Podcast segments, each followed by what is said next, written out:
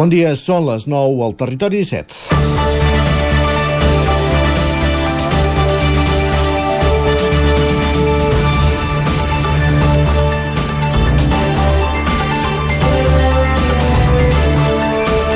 La comarca d'Osona guanya població. Ho fa de manera sostinguda des de fa anys. És una tendència que no es preveu que s'aturi. Tots els estudis fan projeccions que a curt termini situen Vic al llindar dels 50.000 habitants. De fet, la capital d'Osona lidera el rànquing dels 25 municipis de Catalunya que percentualment més creixeran entre ara i el 2033, quan es calcula que la ciutat tindrà una població de 54.820 habitants. No serà exclusiu de Vic. La resta d'Osona, però, principalment la plana de Vic, també experimentarà creixements. Això tindrà un impacte en molts àmbits, l'habitatge, el sol industrial o els serveis públics. Per això, els alcaldes i regidors que surtin de les eleccions del 28 de maig s'hauran de posar les ulleres de mirada lluny per intentar veure més enllà. El dia a dia s'ha de gestionar, però el futur s'ha de planificar. Les apocalíptiques previsions econòmiques de mesos enrere no s'han no complint. L'economia espanyola, segons l'informe Perspectives de l'Economia Mundial, presentat aquesta setmana passada, no mostra risc de descarrilar. El Fons Monetari Internacional eleva el creixement fins a l'1,5% per al 2023. Rebaixa la previsió per al 2024 al 2%, la inflació va a la baixa i es crea ocupació. Les radiografies macroeconòmiques sempre emmascaren per bé i per mal les realitats locals, i el cas d'Osona és singular. Lògicament no és una illa i hi ha unes circumstàncies de context que l'influeixen, però la seva particular estructura econòmica, amb molta dependència del sector agroalimentari, la converteix en una excepció. La pandèmia en va ser un exemple. L'economia no va recular. El pes del sector agroalimentari ahir va ser una fortalesa, avui pot ser una debilitat. La centralitat geogràfica de la comarca dins de Catalunya, el desdoblament de la vida al tren o la palanca de canvi que és la Universitat de Vic, quan a potencial transferidor de coneixement, converteixen Osona en una zona atractiva tant per viure, viure i com per viure'n. I cal planificar un futur que ja és aquí. Les oportunitats que s'obriran obliguen a pensar un creixement que, si no és ordenat i coherent, pot generar tensions. Aquest futur també s'aborda el 28 de maig. Avui, en canvi, és dilluns 17 d'abril de 2023, en el moment de començar el Territori 17, a la sintonia del 9 FM, a la veu de Sant Joan, Ràdio Cardedeu, Ona Codinenca, Ràdio Vic, i també ens podeu veure, ja ho sabeu, a través de YouTube, Twitch, el 9 TV i la xarxa més. Territori 17.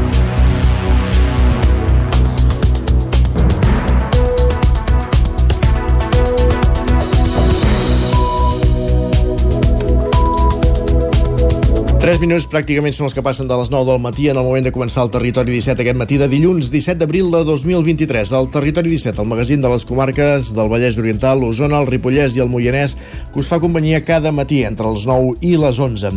De quina manera? Doncs de seguida us avancem al menú del dia, el que tenim previst per aquest dilluns 17 d'abril del 23. En aquesta primera mitja hora ens dedicarem a abordar l'actualitat de les nostres comarques amb les notícies més destacades des de les diferents emissores del territori 17, la previsió del temps amb en Pep Acosta, el nostre home del temps, i anirem al quiosc amb la Clàudia Dinarès per saber quines són les portades dels diaris del dia.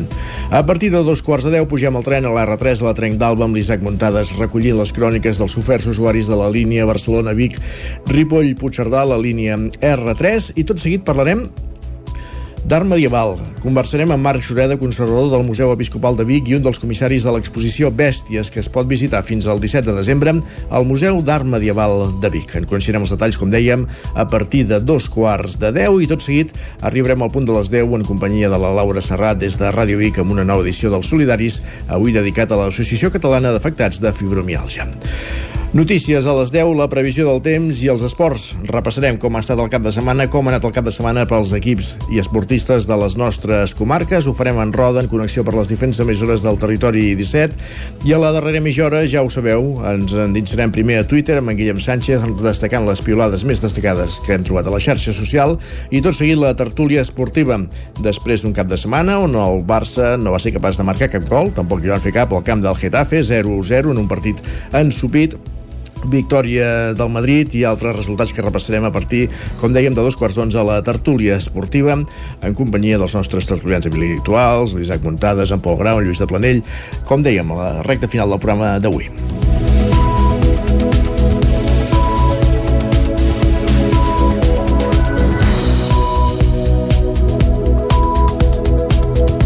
Passen 5 minuts a les 9, com ens endinsem l'actualitat de les nostres comarques. Queda exactament una setmana per saber com es dibuixaran les llistes electorals que concorreran a les properes eleccions municipals del 28 de maig.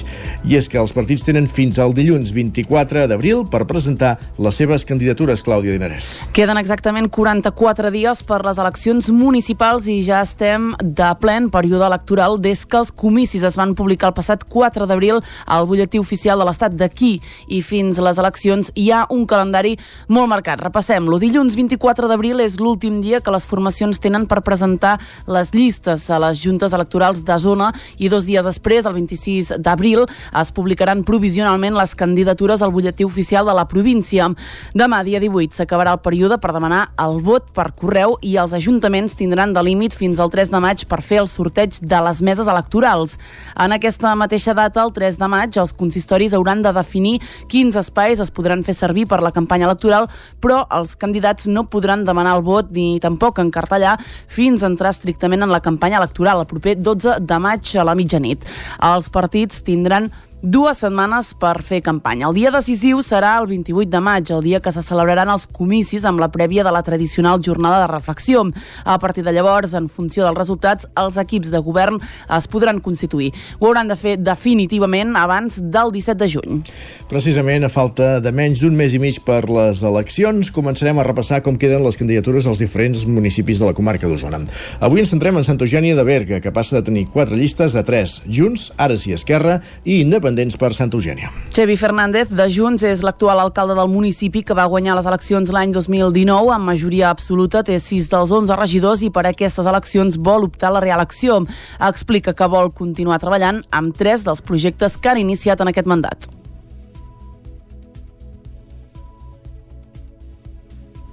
el POM, estem a punt de poder fer l'aprovació inicial la millora dels entorns de l'església del centre històric de Santa Eugènia Berga, que ha de ser una obra que ha de transformar també aquesta part important del nostre municipi, i l'altra és l'obra de la, la reforma integral del polígon industrial, que també és un polígon que té moltes deficiències.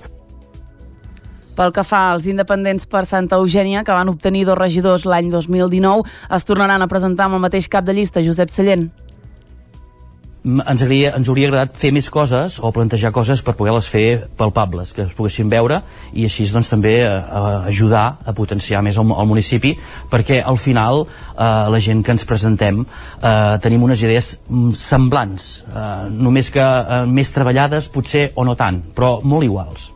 Pel que fa ara sí a Esquerra, que també va aconseguir dos regidors en les darreres eleccions, Cristian Parra serà qui encapçalarà la llista, sent així la cara nova dels candidats i ho fa substituint a Nayara Puigades.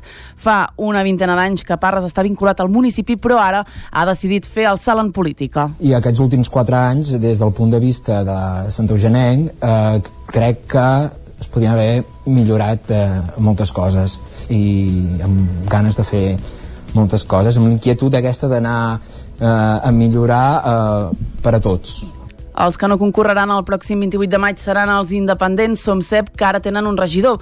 Aquesta agrupació prové de la Plataforma per la Defensa de la Veu i Drets dels Ciutadans de Santa Eugènia i diuen que s'aparten de l'àmbit polític per dedicar-se exclusivament a aquesta plataforma.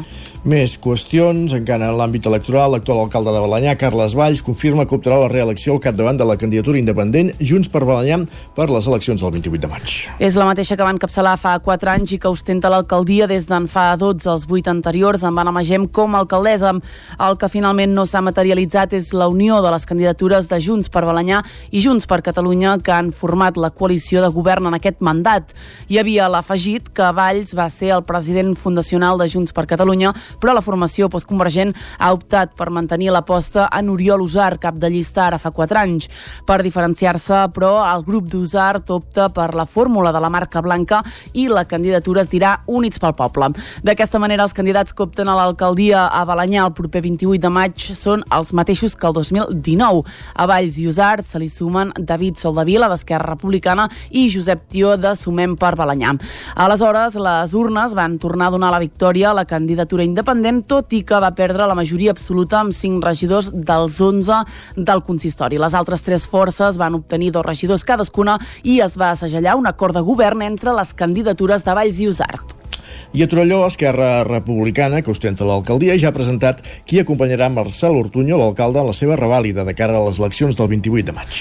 Continuïtat amb les persones que actualment formen part del govern i també renovació amb incorporació de noves mirades. És la fórmula que han utilitzat des d'Esquerra Junts per Torelló per confeccionar la candidatura de cara a les eleccions del 28 de maig amb l'objectiu de mantenir l'alcaldia de Marcel Ortuño, que aquest mandat governa en minoria i obtenir també més regidors. Marcel Ortuño. El nostre objectiu és poder ser més forts, poder tenir un govern més valent. Eh, creiem que en aquest mandat eh, hem demostrat la nostra manera de governar, que és arribar a acords, eh, a base de, de diàleg, poder tirar les propostes endavant, però és veritat que amb un govern més fort podríem tirar-ne més i això és el que nosaltres tenim ganes d'aconseguir. El número 2, Ortuño, compta amb una nova incorporació de caire independent, Carmina Pérez, vinculada al món de l'empresa amb un perfil financer. Vull continuar el projecte que els meus companys han continuat, però per ser més forts i donar suport a totes les àrees que tinc coneixement. Estic molt motivada per treballar per Torelló amb una voluntat de servei públic. La única militància que tinc és treballar per meu poble de Torelló entre les noves cares, als primers llocs hi ha Alba Magem, el número 7, economista, professora de secundària i activista per la transició energètica, també com a independent, i els republicans Marc Tienda, el número 6, vinculat al teixit associatiu com acte, l'entitat que lidera el Carnaval, i també Montse Tort, el número 8, militant de llarga trajectòria. El número 3, 4 i 5 hi haurà els actuals regidors, David Sánchez, Núria Montanyà i Elisabet Vinyes. Una nena resulta ferida arran d'una explosió d'una bombona de gas butà en un habitatge de Castellterçol, al Moianès. Roger Rams, zona codinenca. Sí, l'accident va passar ahir a tres quarts de deu del matí a la cuina de la casa quan la família estava escalfant l'aigua per l'esmorzar. L'explosió, però, no va provocar cap incendi i tres dotacions dels bombers es van desplaçar fins al lloc dels fets. A l'edifici hi havia cinc persones d'una mateixa família, dos adults i tres menors, i una de les filles va ser atesa per una ambulància del SEM a causa de les ferides a la cara provocades per l'explosió de gas. Després, doncs, finalment va ser traslladada a l'Hospital de Sant Joan de Déu de Manresa.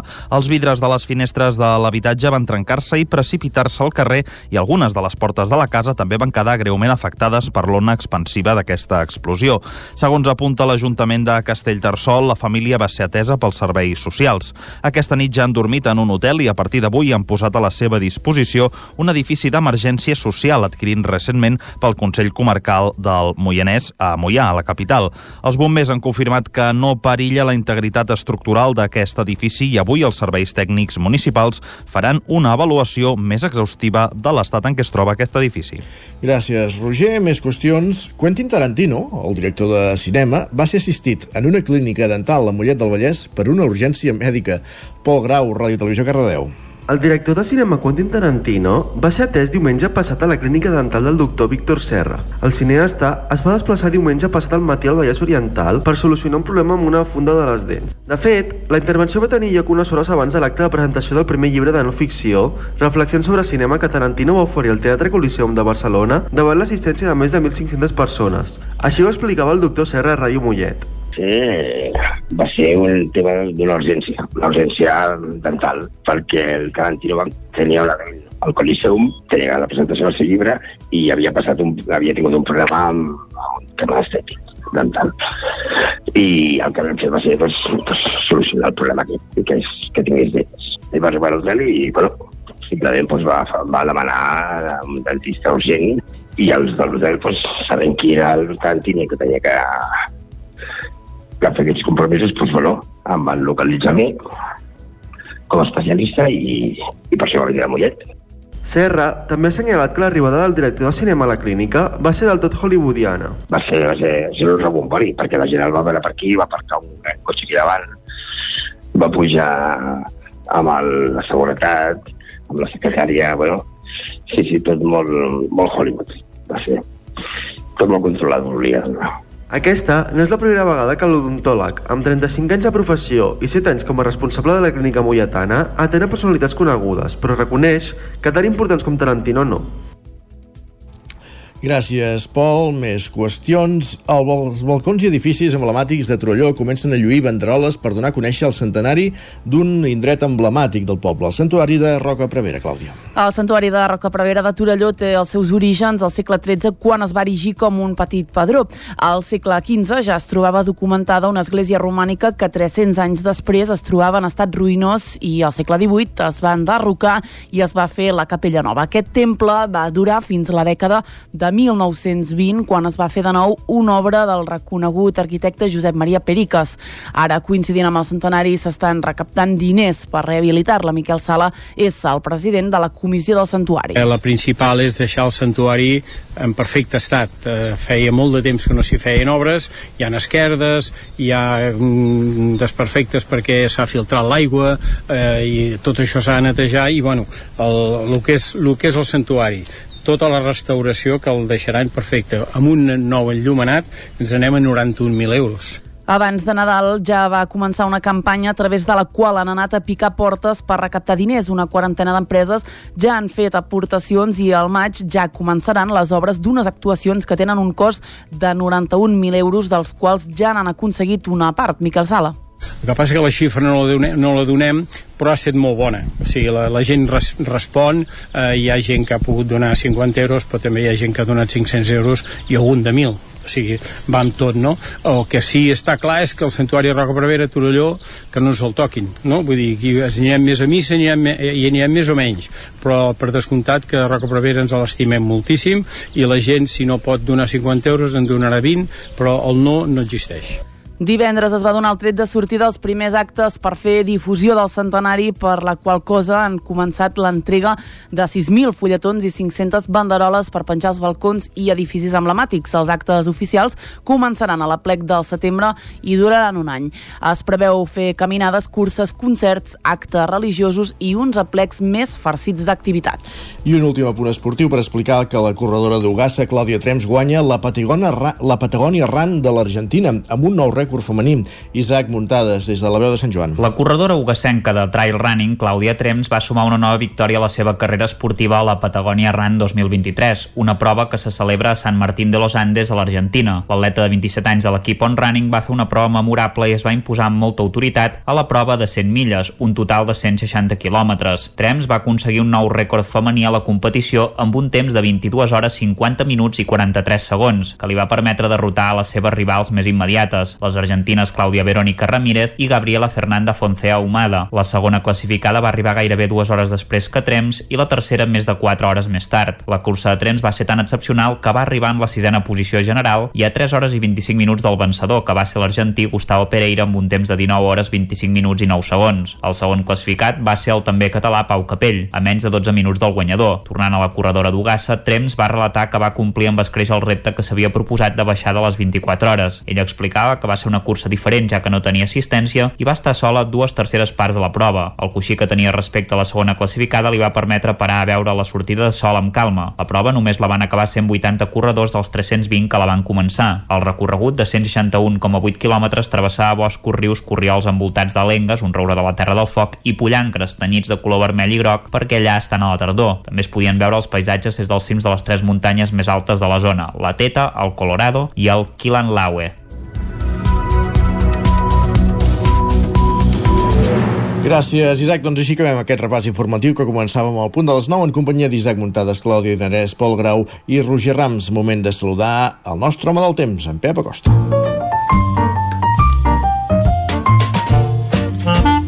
Casa Terradellos us ofereix el temps. L'anem a pescar a una codinenca, a Sant Feliu aquests dies hi fa molt fred i ja ho notareu amb el coll d'en Pep Acosta. Benvingut, bon dia. Hola, molt bon dia. Benvinguts a la informació meteorològica. Ui, el coll. Abans de tot, i demano perdó per la veu, perquè estic eh, ben afònic i avui no sé si se m'entendrà del tot. Perfecte. Però bueno, intentarem fer el que, el que puguem, eh? Aquest cas de temperatures entre el dia i la nit eh, és fatal i aquestes són les conseqüències. Eh, un bon mal de coll i una bona afonia. Doncs bé, anem pel temps, hem passat un cap de setmana eh, força tranquil, les temperatures, eh, com he dit eh, fa un moment, eh, fredes de nit, fredes, eh, encara són força fredes, moltes mínimes entre els 3, 4, 5, 6 graus a les comarques i les màximes eh, molt, molt suaus, per sobre els 20 graus entre els 20 i els 20 els 23 la majoria de màximes, eh? un gran contrast entre dia i nit eh, és clàssic d'aquestes dates i és absolutament del tot normal per aquestes dates trobar aquests valors eh? no, no és, és extraordinari eh, i per tant eh, no és, és normal normal per aquestes dates eh, seguim amb la sequera seguim amb aquesta situació tan i tan preocupant no no es veuen pluges per enlloc i, i cada dia que passa el neguit és una mica més gran entre tothom i bé, eh, avui hi haurà alguna novetat i és que a la tarda eh, hi ha una petita entrada d'aire fred i farà que hi hagi una precipitació eh, molt escassa. Però, per sort, avui a les nostres comarques és on plourà més, sobretot cap al Ripollès i també cap a Osona. Es preveuen uns 10-15 litres a la tarda molt, molt, molt benvinguts. Eh, sobretot cap a la zona de la transversal, a Guilleries i cap al Montseny. També a Pirineu poden caure quatre gotes. Uh, la tramuntana fluixarà. Uh, la tramuntana que mm, tan difícil a posar les tasses d'extinció els incendis d'aquest cap de setmana uh, per fi avui afluixarà i l'extinció dels incendis serà uh, bastant millor ja sense vent. I uh, al matí com deia sol i a la tarda aquest creixement de nuvolades. Nuvolades que això eh, pot deixar entre 10 i 15 litres a les hores on més plogui. Tot i que la majoria de pluges seran entre el 0 i els 10 litres. No solucionarà la sequera ni de bon tros, però bueno, mm, encara que plogui, plogui una mica, els boscos aprofitant l'aigua moltíssim i que convé molt que plogui. La majoria màximes entre els 18 i els 22, 23 graus, temperatures molt normals per l'època de l'any i aquesta nit també ha sigut força freda, eh? molts valors, entre els 3 i 7 graus, temperatures eh, fredes de nit i molt suaus de dia. I això és tot, a disfrutar el dia d'avui, un dia assolellat i amb el creixement de núvoles a la tarda que poden deixar alguna precipitació. Adeu. Doncs gràcies, Pep, estarem pendents del cel. Parlem d'aquí una estona. Fins ara. Casa Tarradellas us ha ofert aquest espai. I del temps cap al quiosc, perquè és moment, Clàudia, de saber quines són les portades dels diaris del dia. Avui és dilluns i com fem els dilluns i els divendres, comencem repassant les portades del 9-9. Exacte, bon dia de nou. Comencem amb el 9-9, l'edició del Vallès Oriental, que diu el Vallès Oriental guanyarà quatre cicles nous i nou grups més d'FP al curs que ve. Es crearan els instituts Gallecs Mollet i el Carles Vallbona de Granollers. A la imatge, corredors contra el càncer, la tercera edició de la prova solidària Oncodina s'ha reunit 855 participants repartits en 139 equips i ha aconseguit recaptar més de 108.000 euros. Anem directament a l'edició d'Osona i el Ripollès que diu Vic superarà el mandat que ve als 50.000 habitants i passarà de 21 a 25 regidors a l'Ajuntament. Amb el salt també augmentaran els ingressos que percep la ciutat de tributs de l'Estat i també de la Generalitat. I en aquest cas, a la imatge de la portada, hi veiem la plec de gegants a Manlleu pels 100 anys d'en Jordi i la Montserrat. També veiem Andreu Simón que diu vola pels camins dels matxos, és la persona que va guanyar dissabte aquesta cursa emblemàtica per la Vall del Gès, que a més a més es van dur al Matxo Pot, va baixar dels, eh, de les 6 hores, exacte. déu nhi Exacte.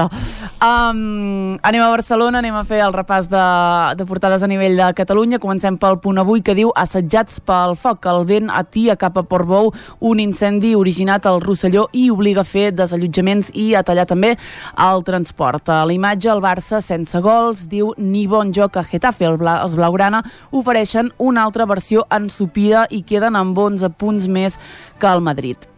Un últim titular i anem a l'ara. L'ampliació de l'L4 diu el pròxim repte del metro. Com dèiem, anem al diari Ara, que sí. diu el cereal català alerta d'una situació catastròfica. Els cultius de secà han perdut el 80% de la collita i els de regadiu aspiren a salvar-ne la meitat. A la portada d'avui veiem un reportatge que diu Dins de l'infern de Bakhmut, diu relat dels combats que es disputen cada bloc de pisos en la devastada ciutat amb l'exèrcit ucraïnès arraconat i atrinxerat en una zona d'unes vinilles d'ample però decidit a resistir sota el foc d'artilleria rus. És el reportatge que proposa avui el diari Ara, altres titulars de, de l'edició. La Sareb destinarà 50.000 pisos a lloguer social i el Barça, negat de cara a gol, es resisteix a tancar la Lliga. Anem al periòdico. -huh que diu les grans tecnològiques oculten la petjada de carboni, la Catalunya de les piscines és un altre tema del periòdico que diu Sant Cugat i l'Hospitalet, la cara i la creu de les instal·lacions aquàtiques. És un tema que ara començarà a sortir força. I també diu un altre incendi en la primavera de la sequera creua la frontera fins a Portbou. A l'avantguàrdia, els ingressos de l'IRPF, diu, registren el millor inici en 15 anys. La recaptació puja un 12% els dos primers mesos del 2023, esperonada per l'augment dels salaris i del nombre d'empleats. I a la imatge, la tramuntana porta el foc a Portbou. I molt ràpidament anem al país que diu Sánchez mobilitza 50.000 pisos del Banc Dolent per facilitar el lloguer barat. Bueno, el... quants ens en toquen? Qüestions. el Mundo que diu KPMG va avisar al Barça que la porta va elevar un 102% al pagament a Negreira. Avui donarà explicacions la porta. Exactament, tothom pendent. Uh, I també diu la, mali la maledicció de la sequera, 100 dies sense pluja.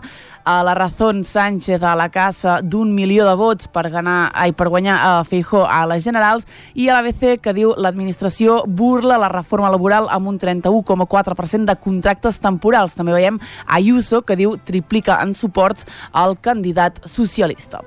Doncs són les portades que, dels diaris que trobem avui a, al quiosc. Gràcies, Clàudia. Fins ara. Fins ara. Avancem al territori 17 i tot seguit recordem-ho. El que farem serà una petita pausa, 3 minutets i tornem de seguida amb l'R3, amb la Trenc d'Alba, amb l'Isaac Muntades recollint les cròniques dels usuaris de la línia i després conversem amb Marc Sureda, conversador del Museu Episcopal, conservador del Museu Episcopal de Vic, sobre aquesta nova exposició, Bèsties, que es pot visitar al Museu d'Art Medieval fins al 17 de desembre.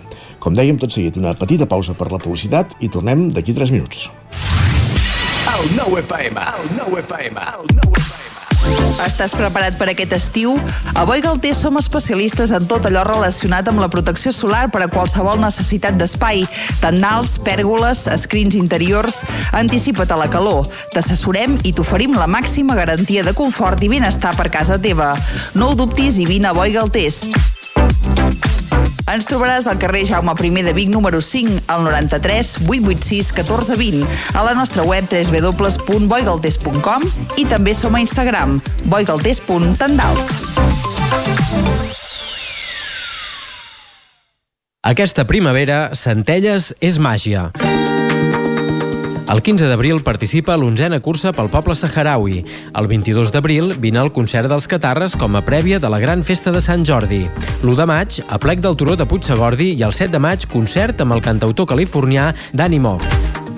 També pots participar a la Caminada Solidària Popular el 21 de maig i el 10 i 11 de juny, 14a Fira de la Ratafia de Centelles. I celebrarem el solstici d'estiu amb la Festa de Sant Joan.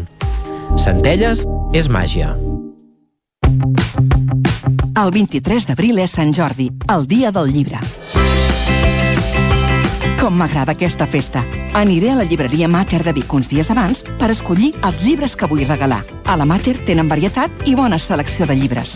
Demanaré que m'emboliquin una de les noves novel·les i un llibre de cuina. I potser un d'esport i de natura. I no em puc oblidar de buscar uns contes de la secció infantil. Quina il·lusió! Ja puc veure els seus somriures quan obrin els regals.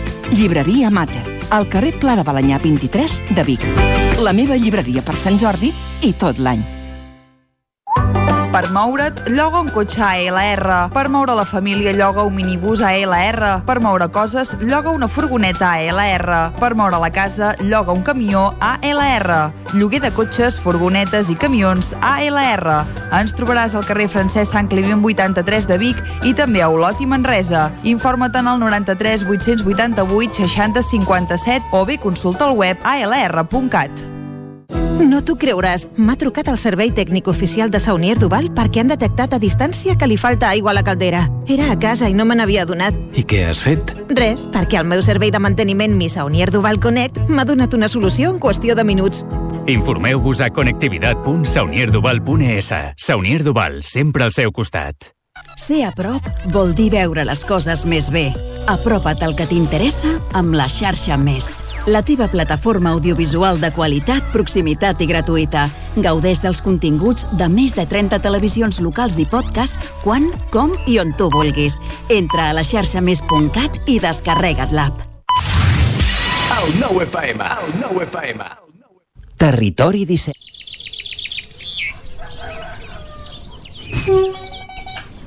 A Tren d'Alba. Cada dia els usuaris i usuàries de la línia R3 de Rodalies que veuen sortir el sol des d'un vagó ens expliquen les gràcies i les penes del primer comboi que uneix Ripoll i Barcelona o les feixugues jornades amb el tren després de treballar. Benvinguts a Tren d'Alba. Per començar la setmana, Renfe ja ha anunciat endarreriments que poden superar els 30 minuts per culpa d'una incidència en un tren regional que per sort ja s'ha solucionat a Passeig de Gràcia. Hi havia retards a l'R2, R2 Sud i R2 Nord, R11, R13, R14, R15, R16 i R17. I a l'R3 a saber què ha passat, perquè el tren també ha arribat amb retard, com explica en Jordi Valls a la crònica d'avui. Bon dia, sóc en Jordi de Centelles. Avui hem arribat dilluns, primera hora, 14 minuts tard. És una bona manera de començar la setmana, amb alegria, xerinola i retards de Renfe, com no pot ser. Eh, ja sabeu el que es diu de la Renfe. No ho diré perquè és lleig, si és primera hora del matí i ens heu escoltat canalla. Bé, avui bàsicament m'ha estat parlant de coses molt diverses, entre elles comença la cursa de la política municipal. I jo sóc de les persones que defèn la política en majúscules. La política, per definició, és deixar el món o el teu entorn una miqueta millor de com l'has trobat. I després entrem amb els partidismes i els grups polítics, que són com cadascú agrupat amb una colla, decideix com veu aquell futur. I llavors, per això hi ha tanta diversitat. Però la política en si és això, voler deixar el món una miqueta millor de com l'has trobat, o sigui, en aquest cas, el nostre poble. La veritat és que a Centelles estem molt actius i per lo que veig per altres contrades també. Eh, La política municipal, municipal potser segurament és la més apassionant i la més, i la més complexa. Tot i que es treballa molt, es fan molts esforços, al final, per la gent que hi vaig parlant, la pregunta és qui va? Ah, doncs en cou bé, no en cou, no en cou bé. I és, diguem-ne, una decisió molt d'estómac o de cor que més de cap. Res més, anem a veure si algú d'una pi vegada decideix deixar la Renfe o Rodalies o com li vulguin dir ja una miqueta millor de com l'han trobat, eh? Perquè té la telita, 14 minuts dilluns. Vinga, ànims, adeu-siau. Ai, la política municipal. Aquests dies ens estem fent un far de veure presentacions de caps de llista, de candidatures, d'inauguracions de seus de partits, de fotografies de les xarxes socials dels candidats, unes xarxes que en la gran majoria de casos no fa massa temps que s'han creat, tot i que hi ha excepcions. Promeses i programes electorals. La política, com bé dius, és deixar les coses millor que com les hem trobat, però costa, perquè mai podràs agradar a tothom. En fi, ens veiem demà amb més històries del tren i de l'R3. 3 minuts pràcticament que passen de dos quarts de 10 del matí. Territori 17, el 9 FM, la veu de Sant Joan, Ona Codinenca, Ràdio Cardedeu, Territori 17.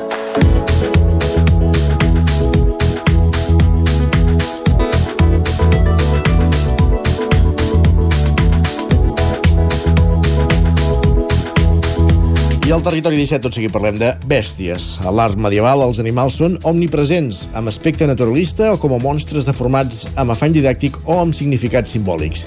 Què hi fan tantes bèsties a l'art medieval? Doncs aquesta és una de les preguntes que intenta respondre l'exposició Bèsties als animals en l'art medieval del Museu Episcopal de Vic. Tenim a l'altra banda del fil telefònic Marc Xureda, conservador del Museu Episcopal de Vic i un dels comissaris d'aquesta exposició. Benvingut, Marc, bon dia. Bon dia, moltes gràcies. Doncs primer de tot, eh, parlem una mica d'aquesta exposició, Bèsties, que es pot visitar al Museu Episcopal de Vic fins a finals d'anys, fins al 17 de desembre, i, i una mica... Correcte. Quin és l'objectiu d'aquesta mostra? Bèsties eh, són elements animals que trobem a, a l'art medieval i si no tenim mal entès són tot de, totes les peces que formen l'exposició eh, provenen de la mateixa exposició del Museu Episcopal. Sí, sí, sí, és així. Les peces venen de les, de les nostres mateixes col·leccions, de la nostra, del, del nostre dip- dipòsit, diguem, d'obres d'art, sigui la col·lecció permanent, sigui algunes que venen de magatzem també. Nosaltres hem començat a pensar aquesta exposició, que la comissariem la Judit Verdaguer, conservadora també del museu i jo mateix, amb la idea de eh, reforçar aquesta estratègia medieval que segueix el Museu Episcopal eh, amb, amb el seu pla estratègic, és, diguem, reivindicar que la nostra col·lecció medieval és molt important. Tenim diferents col·leccions de diferents èpoques, però tenim una col·lecció medieval única. I això teníem ganes d'explicar-ho a través d'una exposició temporal que ens permetés parlar del món medieval a través d'un tema. Eh? I més endavant segurament en farem d'altres que, per, que, que ho tractarem això mateix a través d'altres temes. Però aquesta vegada ens feia il·lusió fer-ho a través dels animals, perquè com, com has dit a la introducció, n'hi ha molts i molts animals de les obres d'art medieval. A l'hora de resseguir les obres per pensar aquestes posicions en vam adonar, n'hi ha, ha moltíssims, no? I aquests animals serveixen per explicar moltes coses diferents, eh? moltes coses diferents a l'entorn del món medieval i de la cultura medieval, perquè ara faig un petit spoiler, oi? Però eh, aquesta exposició en el fons no va d'animals, perquè no, no volem explicar com eren els animals a l'edat mitjana que tenim al cara, oi? Ni, ni com vivien, ni, ni res d'això. Volem explicar eh, coses eh, que expliquen els animals en l'art i en la cultura. L'exposició no va d'animals, en el fons, va de persones, va de cultura. Uh -huh. I per, per tant, la pregunta és aquesta. Què expressaven aquests animals? Expressaven moltes coses diferents. A l'exposició intentem ordenar aquests continguts de manera per, perquè no empatxin, oi? Uh -huh. De manera que comencem explicant alguns de, de, de, aparentment més senzills, o que la societat medieval, la cultura medieval estructurava de manera més senzilla, per després veure que això no és una ciència exacta i que hi havia molts matisos possibles. Per exemple, comencem, eh, a banda de començar eh, ensenyant part de la nostra col·lecció arqueològica, que demostra que aquesta, aquest ús dels animals en l'art no és exclusiu del món medieval, sinó que les cultures antigues, l'egípcia, la grega, la romana, doncs també feien servir molts animals en les seves obres d'art. Eh, quan comencem a parlar en la secció dels animals en el món medieval, en l'art medieval, eh, comencem explicant que des d'un punt de vista, eh, diguem, elemental o primari, o ens trobem els animals classificats en dos grups, els positius i els negatius. Eh? En l'imaginari cristià de la cultura medieval uh -huh. hi ha animals bons que s'associen amb Déu o representen Déu, com per exemple el colom de l'Espírit Sant, o l'anyell de Déu que representa el Crist, i animals dolents, animals que representen el mal, com la serp, el primer episodi del Gènesi, la serp ja tempta Adam i Eva, i és un símbol del diable, o després el drac. No? I llavors prosseguim veient animals doncs, dolents que intervenen en escenes malignes, o animals bons com els que acompanyen els sants, per exemple, o animals dolents que acaben sent atributs de sants, com el drac de Santa Margarida, i expliquem que això està contingut en els bestiaris. Els bestiaris eren uns, una mena de petites enciclopèdies medievals que no o genera el món medieval però es basen en fonts més antigues, en fonts de l'antiguitat, del món grec, del món romà, dels pares de l'Església, de l'antiguitat tardana, i allà, doncs, efectivament, els predicadors, per exemple, els artistes podien trobar els animals classificats per bons i dolents. Eh? A partir dels trets físics dels animals o del seu comportament, avui diria metològic, se'n proposava una lectura moral. I, per tant, els animals esdevenien una excusa per proposar eh, temes morals. No? Uh -huh. I, I a continuació veiem que eh, si afegim el matís de la representació social, o sigui, en àmbits no estrictament religiosos, veiem que hi ha més matisos a afegir. Per exemple, el cavall, que és un animal que en els bestiaris religiosos doncs, té una sèrie d'atribucions, però potser no és dels més representats.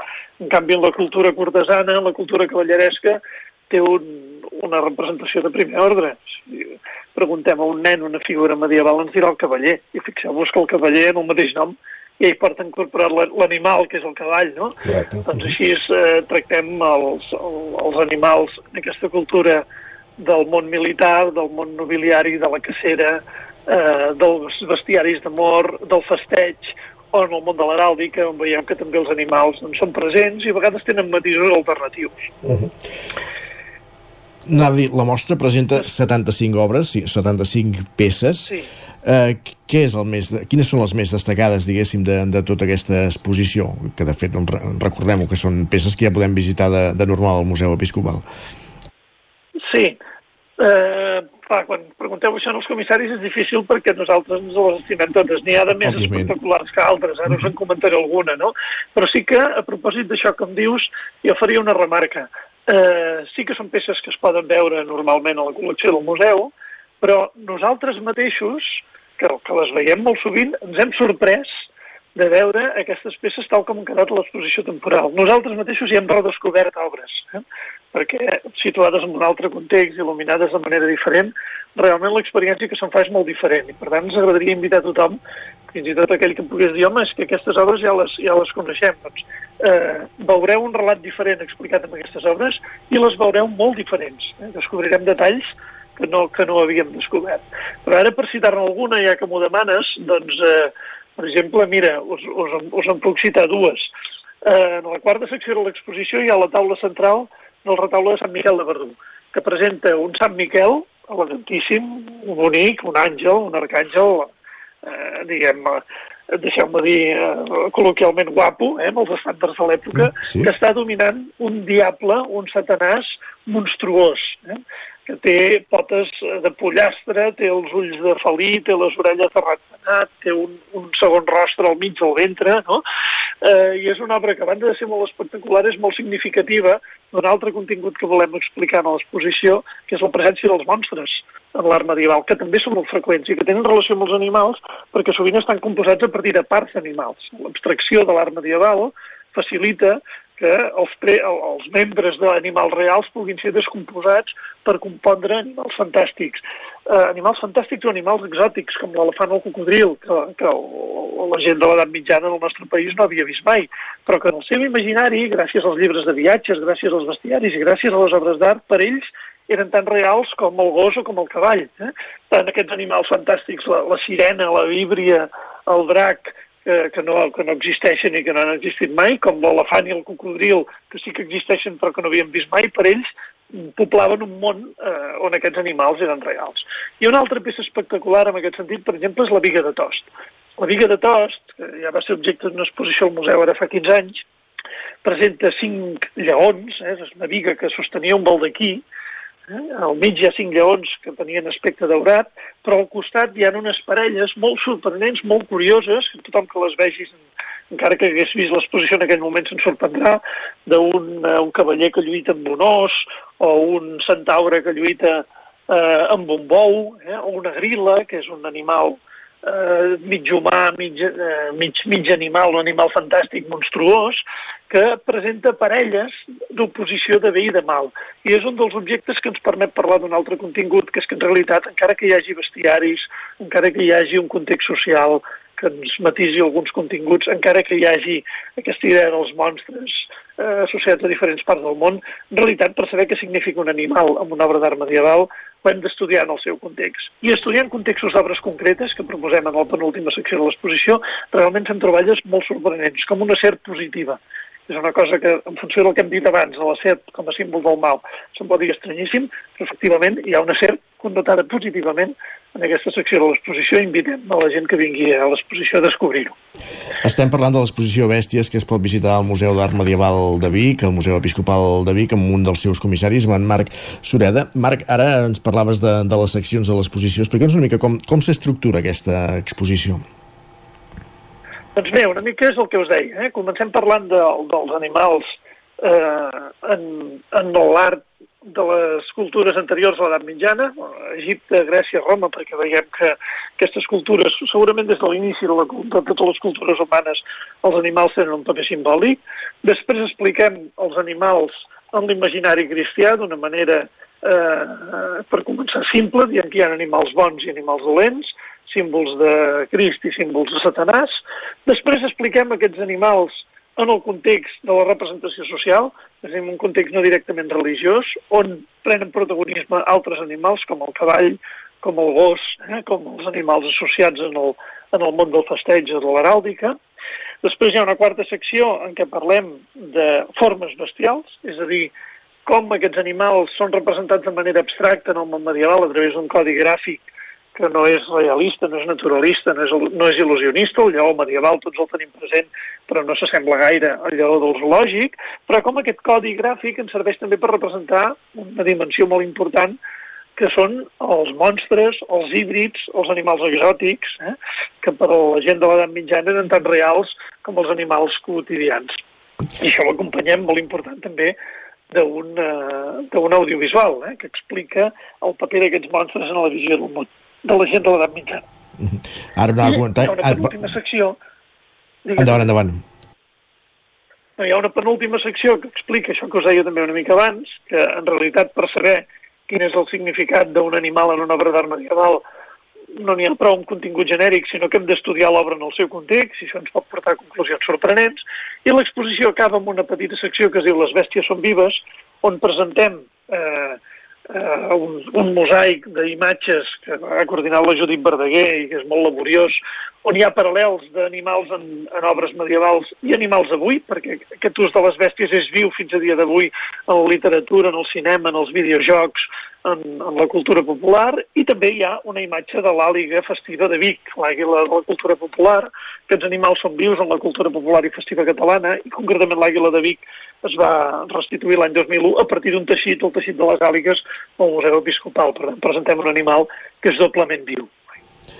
L'exposició, que com dèiem es pot veure pràcticament al carrer d'anys fins al 17 de, de desembre, compta també amb un ampli ventall d'activitats paral·leles, no? diguéssim, per anar complementant tot eh, aquest relat que explicava avui a, a l'entrevista. Quines són les properes previstes d'activitats? Doncs eh, mira, acabem de fer eh, la setmana passada una, les properes, però una mica per situar-ho, els conservadors fem una visita guiada cada segon dimecres de mes. Eh? Per tant, ara el proper dia serà el segon dimecres del, del mes de maig i així fins al final l'exposició amb una pausa a l'estiu. Però a més també hi ha una oferta molt àmplia d'activitats per grups, activitats per escoles. Programarem també un cicle, hem programat també un cicle de conferències, eh? que eh, jo us invito a visitar la pàgina web del museu i allí trobareu desplegades totes aquestes activitats que mantindran eh, atractiva l'oferta paral·lela a l'exposició, l'exposició serà atractiva fins al final, i jo recomano a tothom que ho vingui a veure, però mantindran, mantindran viva aquesta oferta d'activitats fins, al, fins al mes de desembre, oi? I eh, també us invito a visitar la pàgina web, perquè a la pàgina web hi ha molts continguts de l'exposició. Hi ha com una, diguem, una reproducció virtual d'aquesta exposició, hi ha continguts sobre les obres. Hem preparat també un audioguia amb quatre idiomes perquè qui vulgui visitar l'exposició sempre és millor fer una visita guiada, també oferim visites guiades als, als serveis d'atenció al públic del museu, però qui vulgui visitar-la tot sol té a disposició una audioguia que és accessible a través d'un codi QR a l'inici de l'exposició, on trobarà moltes peces, no totes, però sí moltes peces de l'exposició comentades, eh? i per tant podrà seguir-la des del seu telèfon mòbil. Eh, bé, hi ha una gran varietat d'activitats, jo us invito, com deia, a visitar la pàgina web per, per descobrir-les totes. Prenem nota. Uh, bèsties, els animals a l'art medieval del Museu Episcopal de Vic, aquesta mostra que es pot visitar al Museu Episcopal de Vic fins al 17 de desembre. N'hem parlat amb un dels seus comissaris, el conservador del museu, Marc Sureda. Benving moltes gràcies i, i que, que, que vagi molt bé tota aquesta activitat eh, a l'entorn d'aquesta exposició. Moltes gràcies i ens veiem al museu. Fins ara, bon dia. Nosaltres avancem al territori 17. Tot seguit parlem de fibromialgia. Entrem als solidaris i avui parlem amb l'Associació Catalana de Fibromialgia.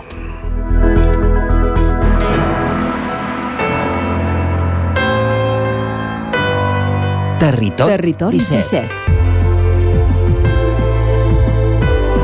Territori 17.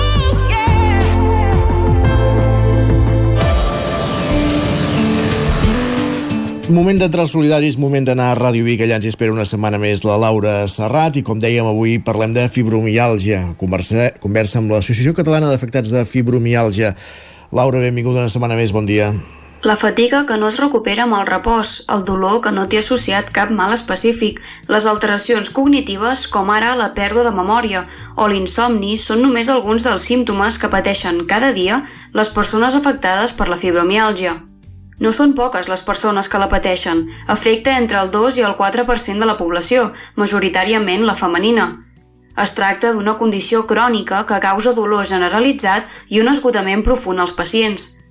Aquesta setmana coneixerem en profunditat una associació que s'estén arreu del territori i que vetlla per ajudar a tots aquells afectats per la fibromiàlgia. Des de Ràdio Vic i a través de l'antena del Territori 17 Conversem amb l'Associació Catalana d'Afectades i Afectats de Fibromiàlgia i d'altres síndromes de sensibilització central, concretament amb la Glòria Guardiola, vicepresidenta de l'entitat, que porta per lema Vine i ens ajudarem. Abans d'entrar en matèria, ens pot fer 5 cèntims sobre l'entitat per qui no els conegui? A veure, som l'Associació Catalana d'Afectats de Fibromialgia. D'entrada es va dir així només, però aquí s'han anat incloent moltes que tenen les sintomatologies molt igual que nosaltres. És a dir, fatiga crònica, els d'hipersensibilitat, els dels productes químics també, vull dir que més o menys tenen les mateixes sintomatologies i per tant atenem a tots ells. Què els va motivar a crear aquesta associació? Com i quan va néixer? Va néixer, doncs mira, l'any que va 25 anys, ens vam reunir un grup de gent que ens n'adonàvem que no estàvem atesos mèdicament, ni pels caps, ni especialistes, ni ningú. La malaltia, de fet, es va crear el 92 o el 94, però continuaven sense fer-nos cas i llavors ens anaven van reguitzell de proves i proves i proves i d'un metge a un altre i ningú sabia pràcticament el que tenia perquè és que ningú parlava de la fibromialgia. Fins i tot jo, que sóc farmacèutica, i que se'm va diagnosticar en el 94 quan em van dir que tenia fibromialgia vaig dir fibro què? O sigui que ni se'n parlava. Doncs imagina't doncs, com era la desesperació de la gent.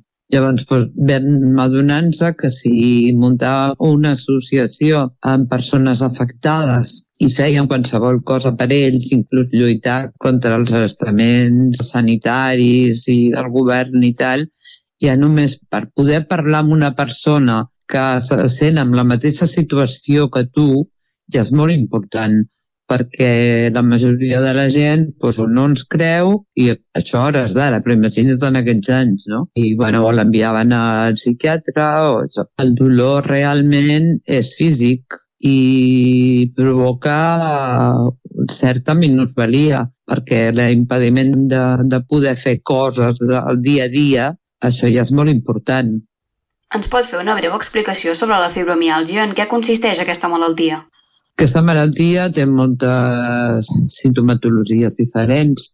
Bàsicament, i el més important, és el dolor. El dolor, que són 18 punts aparells a tot el cos.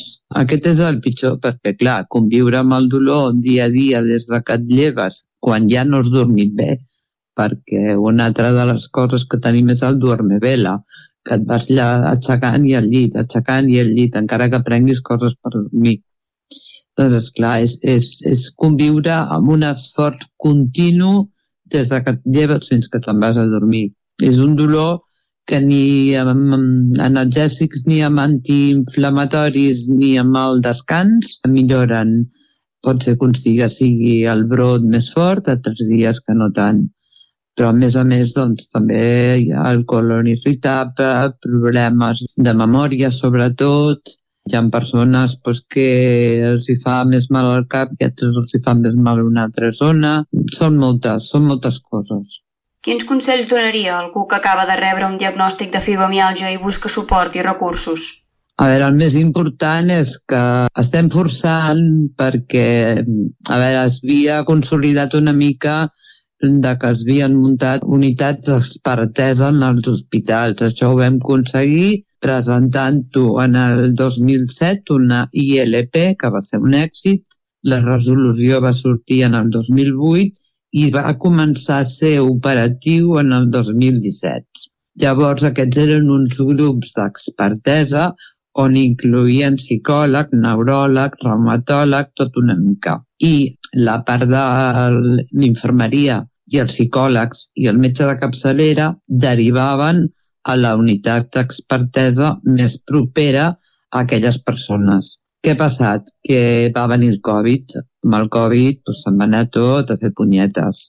Evidentment, hi havia coses més importants que es havien de tractar. Alguns hospitals continuen funcionant. Aquí a Vic, per exemple, al Canter de Vic hi ha un metge que continua portant-ho. Però de la mateixa manera que quan es va formar l'associació vam considerar que era oportú a tot Catalunya tenir punts d'informació i d'explicar què era la malaltia, què podem fer per ajudar.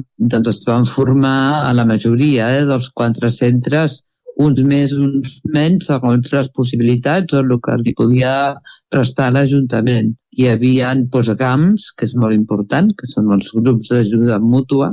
Nosaltres ja direm quina que ens ajudarem, perquè clar, un ajuda l'altre, sincerament. Normalment estan dirigits per psicòlegs i t'ensenyen doncs, a conviure amb totes aquestes malalties que no és fàcil. Ja et dit abans, hem de tenir un esforç diari per tot, per llevar-te, per, per, per dutxar-te, per... a vegades acabes de fer qualsevol cosa i t'has de seure o estirar una estona perquè és que no pots continuar. Clar, això és difícil i llavors en els grans va bé perquè el psicòleg t'ensenya a conviure i trucos diferents per poder conviure. Hi ha classes de tai chi, classes de memòria, d'integració corporal, hi ha diverses coses. Ja et dic, a cada punt de, de Catalunya es feien coses diferents, però la gent hi participava i anava bé. Què passa? Que amb el Covid, com t'he dit, doncs se'n va anar tot en orris. Nosaltres ens vam posar en marxa de seguida i ja vam fer-ho tot online. La participació va ser brutal brutal. Suposo que la gent estava ja molt farta, estava sola, tenia ganes de comunicar-se i els donar-los tantes possibilitats. Pensa que actualment hi ha online integració corporal, hi ha una classe de pilates adaptada, hi ha estiraments, hi ha una classe de mindfulness, hi ha tai chi, hi ha una altra que és art teràpia, que també està funcionant molt bé i sembla mentida les coses que arriben a sortir d'una persona. Equilibri, concentració, mm, dansa, moviment, teràpia, vull dir que cada dia, si volien, podien estar amb qualsevol d'aquests tallers. I això pues, ha anat tan bé que ara que hem intentat tornar a reprendre-ho físicament, pues, la gent hi ha molt poca participació. Eh, clar, imagina't, hi ha gent que viu en un poble que està molt desconnectat i abans havia d'agafar el cotxe per tot i per anar a qualsevol taller, ara des de casa ho té molt fàcil. I com han viscut aquests anys els seus usuaris i usuàries? A l'entrada es van trobar tothom molt despenjat, però com que ja vam venir a veure de que això passaria, doncs per això vam muntar tots aquests tallers eh, virtualment. Ja es fa tant amb Zoom com amb Instagram com amb Facebook.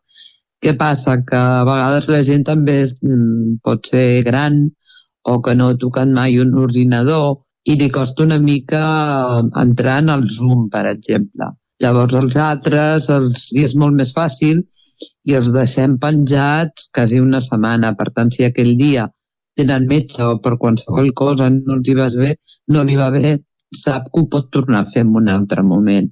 Clar, presencialment això no passa. Per tant, la gent continua participant i estem molt contents de la participació en tots els tallers online. Ens pot parlar de quins projectes tenen en marxa actualment? Quins serveis ofereixen? Doncs mira, de moment aquests és curiós perquè els, els online s'han fet grupets, sobretot cada, quasi sempre al mateix taller participa la mateixa gent, no?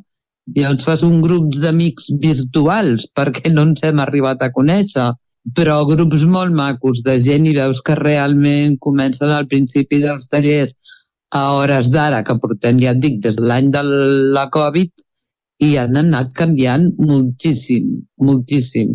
I prefereixen fer això. Nosaltres la nostra tasca doncs, és continuar perseguint i lluitant perquè les unitats d'expertesa tornin a funcionar, perquè han, han estat uns anys que, que no, no, ni se'ls han atès ni res de res. I doncs amb aquestes unitats d'expertesa entra tots, com dit abans, hi ha un psicòleg, el neuròleg, el reumatòleg, el medicina interna. També depèn una mica de l'hospital. Segons l'hospital ho porta més una secció que ho porta més l'altra. Però clar, la nostra tasca és aquesta, en aquest, en aquest moment, fer que això funcioni, ja que no hauria d'haver-se parat en el 2018. Com tenen previst celebrar el Dia Mundial de la Fibromialgia el pròxim 12 de maig? Doncs mira, hi ha diverses, hi ha diverses propostes. Al principi es havia dit en el Liceu, però bueno, ho celebrarem com Déu mana. No sé si al final es farà al Palau de la Música o així, però ho hem de celebrar perquè la veritat és que és molt important arribar als 25 anys. Quins són els principals reptes amb els quals s'han d'enfrontar els seus usuaris dia a dia? Comentava el dolor?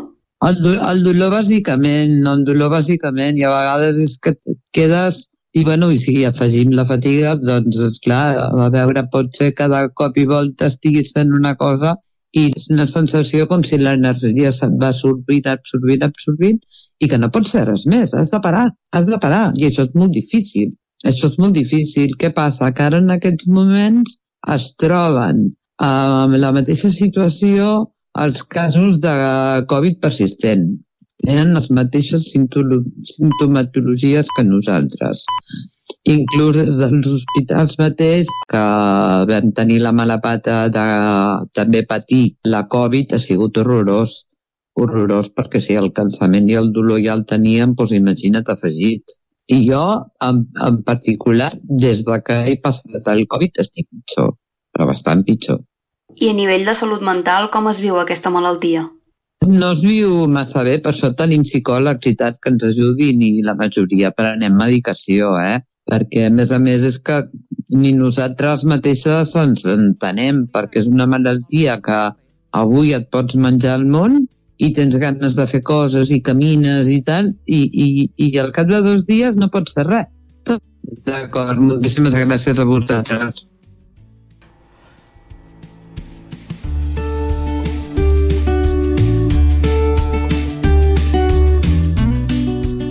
Fins aquí els solidaris avancem al territori 17 i ara quan passa un minut de les 10 del matí ens posem al dia amb les notícies més destacades de les nostres comarques. Territori 17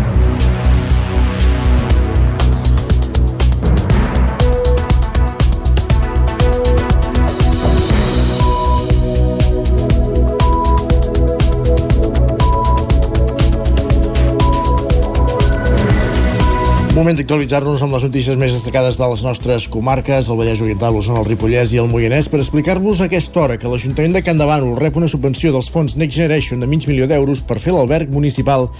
Isaac Muntades, la veu de Sant Joan. L'Ajuntament de Can de Bànol rebrà una subvenció de 497.000 euros provinents dels fons Next Generation per a reformar edificis públics amb criteris de sostenibilitat. Cal recordar que està previst que l'alberg municipal es faci a l'edifici de les antigues escoles del carrer Coll i Verdolet, al centre de la vila. El pressupost d'execució del projecte és de prop d'un milió d'euros. En aquesta convocatòria s'havien presentat una trentena de projectes gironins i la majoria d'ells han estat aprovats, tot i que a hores d'ara només 7 n'han aconseguit el finançament. Les obres del nou alberg s'hauran d'executar abans del 31 de març del 2025 2026. L'alcaldessa Dolors Costa va remarcar què aportarà aquest equipament al consistori. Donar resposta a la necessitat o de demanda turística que hi ha aquí al poble de Candavano, tenint en compte que tenim diversos paisatges i diverses activitats doncs, que cada vegada veiem que van més en augment, com poden ser els de Candavano, eh, cada vegada veiem que hi ha més afluència de gent, per altra banda veiem també que s'està desestacionalitzant un turisme que solia venir a l'estiu i que ara comencem a veure que al llarg de tot l'any rebem visites turístiques. El nou alberg tindrà una capacitat per acollir una cinquantena de persones. Pel que fa a la planta baixa, s'hi ubicaran els serveis comuns com el menjador o la cuina, mentre que al primer pis hi haurà les habitacions i els banys. L'escala actual que hi ha dins de l'edifici es mantindrà per unir les dues plantes. L'entrada principal serà en un lateral i a la part de darrere hi haurà un aparcament per a bicicletes i un taller per a aquestes. La planta baixa té un total de 396 metres quadrats i la primera planta 351. Cal destacar que l'energia de l'edifici se sustentarà gràcies a la instal·lació instal·lació fotovoltaica que s'hi preveu. L'arquitecte Josep Nelo apuntava com es pot garantir aquesta sostenibilitat. Per doblar la façana amb una nova pell d'un gruix de 10 centímetres d'aïllament i un acabat de fusta i planxa lacada. I dos, per desmuntar l'actual coberta inclinada d'embanets de sostre mort i plantejar-ne una nova, tipus invertida, plana, no transitable i preparada per la implantació d'una instal·lació fotovoltaica d'aproximadament 75 kW. Les façanes ventilades permetran la no incidència directa del sol, sobretot a la façana sud i a tractar-se d'un alberg també permet amagar digués, la privacitat de les habitacions Pel que fa a la plaça o parc públic que es farà en el que era el pati de l'escola, té un total de 2.000 metres quadrats i s'anivellarà amb l'edifici, ja que actualment per accedir a l'antiga escola es fa amb unes escales. També se suprimirà la tanca que hi ha en l'actualitat, donant continuïtat al carrer i a la plaça s'instal·laran dues pèrgoles. Gràcies, Isaac. Més qüestions. Un incendi crema set camions de l'empresa Disterri a la Garriga, Pol Grau, Ràdio Televisió, Cardedeu. Un incendi que es va declarar aquest dissabte a la tarda va cremar un total de 7 camions de l'empresa de distribució de begudes i alimentació Disterri de la Garriga. Fons dels bombers de la Generalitat informen que l'avís es va rebre cap a dos quarts de sis de la tarda i en les tasques d'extinció hi van participar un total de sis dotacions. Cap a les 9 del vespre, els bombers van donar per acabada les tasques d'extinció, però encara hi van estar fins dues hores més tard revisant totes les instal·lacions. En el moment d'iniciar-se el foc, les causes del qual encara no s'han donat a conèixer, hi havia 11 camions de l'empresa en un pati situat al davant de les naus, dels quals van resultar afectats 7. L'incendi no va afectar cap altra instal·lació de l'empresa, que està situada al polígon Canilla de la Garriga. Gràcies, Pol. Més qüestions. Anem cap a la comarca d'Osona perquè Torelló ret homenatge a la vida i obra de Sagimon Serrallonga. Va ser en un acte que es va fer ahir al Teatre Sirvianum en el marc del 20è aniversari de l'aula Sagimon Serrallonga. Clàudia Inarès. L'acte que portava per títol La charm de les bones lectures es dividia en dues parts. La primera en una conversa entre Jaume Coll i Pep Paré que en format de rèpliques successives van anar desgranant els eixos essencials de l'obra de Serrallonga. A la segona es va fer una posada en escena que va donar tot el protagonisme a les veus veus i a la música de Montse Grau, Víctor Ubiols, Gènia Diaconova i Jofre Palau. Xavi Lozano és el regidor de Cultura. L'hem titulat A Charm de les bones lectures, eh, recuperant una mica el, el nom del primer recull de, de poemes de, de Sagimon Serrallonga, eh, a Charms, un charm és, vindria a ser un encanteri per fer fugir els, els mals auguris, els mals esperits o, o, o per, per de, les malalties, demanar les, les curacions. L'aula Sagimon Serrallonga, ubicada a l'edifici Torre dels Frares de la Universitat de Vic, va obrir portes el 10 d'abril del 2003, coincidint amb el primer aniversari de la mort del poeta torellonenc, amb un objectiu, promoure activitats transversals sobre arts, lletres i ciències i reflexionar també sobre la cultura. Coincidint amb el seu 20è aniversari, l'aula Sagimon Serrallonga amplia els seus membres i quedarà adscrita a la Càtedra Verdaguer d'Estudis Literaris de la Universitat de Vic, un centre de recerca sobre literatura contemporània. Francesc Codina i Berta Faro en són representants. Han passat eh, 20 eh, anys des de la Berta, des de l'Alba Siribon Serrallonga que feia temps que deia hem de pensar en el futur, eh, hi ha d'haver un, un reforçament una incorporació de gent més jove. Des d'aquí Torelló hem incorporat la Mariona Fontseré, que fa estudis eh, literaris a la UB, hem incorporat la Mari Carme Codina Contijoc i hem eh, incorporat la Meritxell Guitart, que són professores totes dues de, de, de llengua i literatura catalana. No va ser fins l'any 2008 que l'Ajuntament de Torelló, també amb la finalitat de contribuir a la millora col·lectiva en el camp de les humanitats, va impulsar la beca Sagimon Serrallonga, que s'atorga anualment a persones que volen ampliar els seus estudis a l'estranger. Un consistori compromès en fer arribar l'obra de Serrallonga a les noves generacions. Més qüestions. El repte esportiu solidari on Codina Trail ha celebrat la seva tercera edició aquest dissabte entre el Vallès Oriental i el Moianès i ha trencat tots els rècords. Roger Rams, zona codinenca. Sí, aquesta ha estat la primera edició sense restriccions pandèmiques de l'Oncodina Trail i això s'ha fet palès. I és que la prova ha trencat tots els rècords d'una banda pel que fa a participació, ja que hi han participat 139 equips respecte als 86 de l'any passat, i en plan econòmica també s'ha assolit una xifra inèdita fins ara i és que s'han superat els 100.000 euros de recaptació en una sola edició. En concret i de manera provisional s'han recaptat gairebé 109.000 euros, mentre que l'any 2022 ens van ser 80.000. En tercer lloc, i un dels més importants en aquesta edició s'ha comptat amb 295 voluntaris, el que suposa un salt quantitatiu important i alhora mostra també l'arrelament al territori que ha agafat l'Oncodines. Aquesta és la valoració que en fa el director de la prova, Lluís Vilalta. Home, va, va, acabar, va acabar perfecte. Al final tothom va arribar a l'hora, tothom va arribar. Va ser una, una edició que fora de petits problemets, alguna torçadeta, algun cop de cap, alguna coseta, molt poques, molt poques coses, molt poques incidències, molt poques. Va anar perfecte. Per tant, rècord absolut de, de recaptació, rècord absolut de participació i rècord absolut de voluntariat. Vull dir, al final hem, fet, hem trencat tres rècords eh, en una sola edició. Pel que fa a la vessana esportiva dels 139 equips participants, 137 van completar la prova. El primer a arribar a la meta situada a la plaça Josep Humbert Ventura de Sant Feliu de Codines va ser el Team Wolf, format per sis ballesans, que va completar el recorregut de 80 quilòmetres corrent en un temps de 9 hores i 20 minuts. Eduard Tura és un dels membres que explica què els ha motivat a participar-hi. El nostre equip eh, el vam anomenar Team Wolf en honor a un dels integrants que havia de participar inicialment, però una setmana abans de fer les inscripcions li van diagnosticar leucèmia i llavors pues, el vam voler d'alguna forma integrar dins de l'equip i no deixar-lo fora i per això ha compartit l'última etapa amb nosaltres, de Sant Sebastià fins a Sant Feliu, i ha fet l'entrada amb nosaltres, tot i que no hagi fet tota la cursa en si. En total, aquest any la prova ha passat per 12 municipis, tant del Vallès Oriental com també del Moianès, i l'acte d'entrega de la recaptació final a les fundacions oncològiques Oncovallès i Enriqueta Vilavecchia i també al BB aquí de l'Institut Goodman es farà el proper 5 de maig al Teatre del Passeig de la Garriga. I també Manlleu recuperarà el, el proper 22 d'abril la cursa solidària 4 per M, una prova amb equips de 4 corredors que hauran de fer 10 quilòmetres cadascun per completar la marató. Una cursa a mig camí de l'esport i de la solidaritat que torna amb l'apadrinament de l'empresa Benito. En la seva represa, la prova comptarà amb equips de quatre corredors que hauran de fer 10 quilòmetres cadascun per completar la marató. Cada participant haurà de fer dues voltes al passeig del Ter amb sortida i arribada a la plaça Fra Bernadí, que serà el centre neuràlgic de la cursa. Núria Martínez és la regidora d'Esports. És de les úniques curses de tot Catalunya que té aquestes característiques i que es corre una marató per equips. I, per tant, també és un tret diferencial d'una cursa diferent del que plantegen les altres ciutats. I és que al voltant de la cursa s'ha dissenyat un programa d'actes que inclourà jocs, activitats esportives, propostes gastronòmiques i concerts. Tot el que recapti a la cursa es destinarà a l'ATFO. Carme Canyelles és representant d'aquesta associació.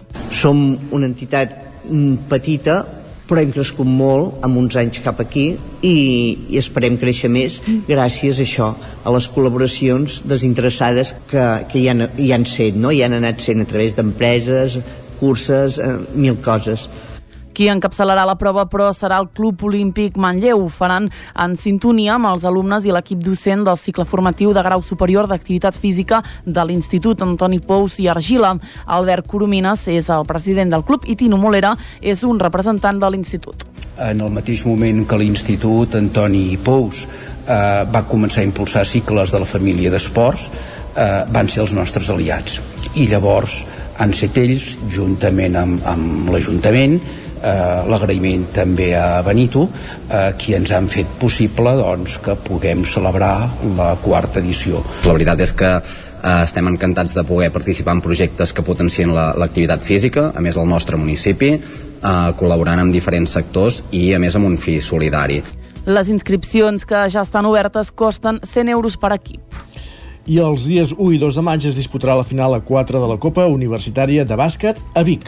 Les universitats que participaran tant en modalitat masculina com femenina són la Universitat de Barcelona, la Universitat Rei Juan Carlos i la Universitat Politècnica de Madrid. En modalitat masculina també competirà la Universitat Politècnica de Barcelona i en femenina la Universitat Ramon Llull. Tots aquests equips van ser classificats en una fase prèvia que es va celebrar a Balaguer i a Madrid a finals d'any de l'any passat. En general, aquest campionat de nova creació té per objectiu que els joves que inicien els seus estudis universitaris entre els 17 i els 18 anys no abandonin l'esport. Eduard Portela és el president d'honor de la Lliga ACB i Titi Roca, el regidor d'Esports de Vic i volem que tots els estaments esportius siguin conscients del dèficit que hi ha i que es produeix a partir de la finalització de l'edat júnior. Com nosaltres diem a l'Ajuntament també que en aquesta edat adolescent la gent tingui aquesta sortida, no? amb aquests 17-18 anys no abandoni l'esport, sinó que tingui aquesta sortida i per tant agrair també que hi hagi aquesta visió de que qui no pot fer el salt de primeres pugui continuar fent esport tot plegat un esdeveniment esportiu que portarà gent de tot l'estat a Vic. Gràcies, Clàudia. Acabem aquí aquest repàs informatiu que començàvem al punt de les 10 en companyia de Clàudia Nerès, Pol Grau, Roger Rams i Isaac Muntades. Moment al territori 17 de saludar de nou el nostre home del temps, la fònic avui, Pep Acosta.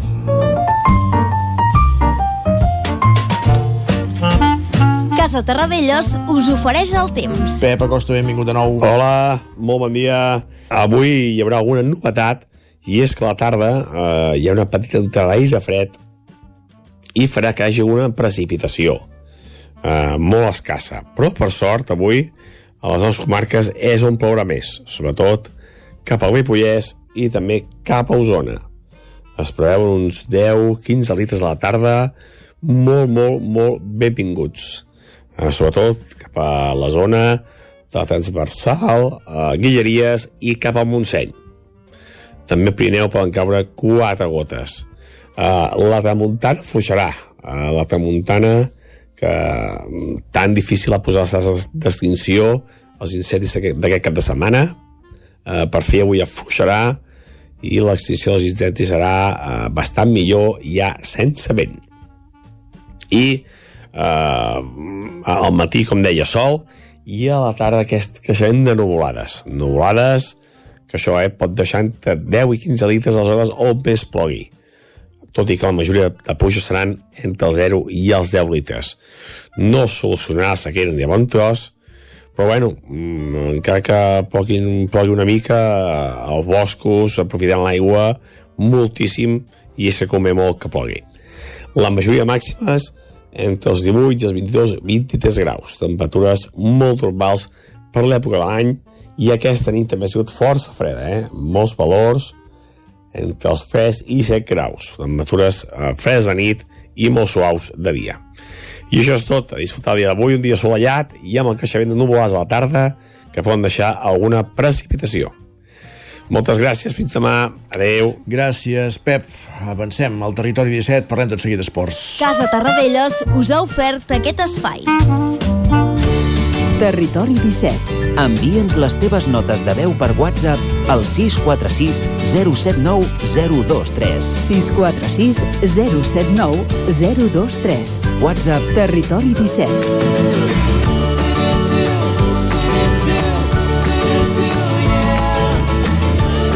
Territori 17. Som a Facebook, Twitter i Instagram amb l'usuari Territori 17.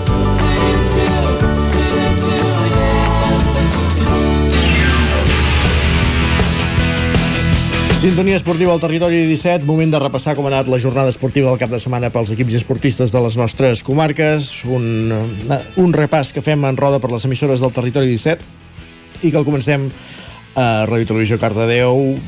Pol Grau, benvingut, bon dia. Bon dia, bon dilluns. Bon dilluns. Com ha anat el cap de setmana esportivament parlant? Doncs no és bon dilluns per la jornada esportiva, ja que només tenim una victòria. Doncs Després veurem quina és. Comencem amb futbol, a la segona fase d'aquesta segona catalana d'ascens a primera, on el Cardedeu empata contra el Molletense per un gol a un. Els visitants es van avançar al marcador i gràcies a un penal el Cardedeu va aconseguir empatar al minut 58. Uh, això fa que el Cardedeu es quedi quart, allunyat d'aquestes primeres eh, posicions de, per ascens. El filial, el Cardedeu, a tercera catalana també va perdre contra el Canovelles per dos gols a zero fora de casa. Partit complicat, ja que el Canovelles és quart i el Cardedeu amb aquesta derrota cau a la deuena posició, on l'adelanta el Parets, que jugava contra el Llinàs, que també va guanyar per 4 gols a 0. Els de Llinàs que no van poder fer res són els van golejar amb aquests 4 gols a 0 i el Llinàs fa que baixi fins a la dotzena posició amb 27 punts. A primera catalana tenim el Granollers, que va perdre davant del Torelló, el QE, eh, victòria sorprenent del Torelló, que està a QE, on en els últims 10 minuts va aconseguir remuntar aquest gol en contra que tenia i amb el minut 80 i el 86 va aconseguir remuntar i guanyar aquest partit per dos gols a un. Això fa que el Granollers es quedi a la cinquena posició amb 39 punts i es compliqui aquestes primeres posicions on estan tots molt empatats amb 41, 40 i 39 punts. A la Lliga EVA en bàsquet tenim el Granollers, que també va perdre davant del Pajarraco Sant Feluenc per 60-89. En bàsquet tenim, també tenim el Llinàs, que perdia contra el Sant Celoni per 74-63. I el, el Franklin Granollers, que jugava els vuitens per a final per d'Europa per a entrar a aquesta Final Four, va perdre per 30-31. Uh, on demà juguen aquesta tornada a Alemanya, on esperen poder remuntar aquest, un, un gol de diferència i poder passar a, la, a jugar a la Final Four. On va guanyar el Franklin Granollers és a la Lliga Sobal, davant del Badagüesca per 35 a 32 i empat a posició amb el Balonmano Cuenca amb 34 punts i eh, acabem el Caxet femení que empatava contra el Caja Rural Valladolid uh, per 28 a 28 i es queda a la novena posició amb aquests 18 punts. Perfecte, Pol, doncs moltíssimes gràcies. Parlem després. Parlem ara. Fins ara. Avancem, anem cap a una codinenca on ens espera en Roger Rams. Com ha anat la jornada del cap de setmana, Roger?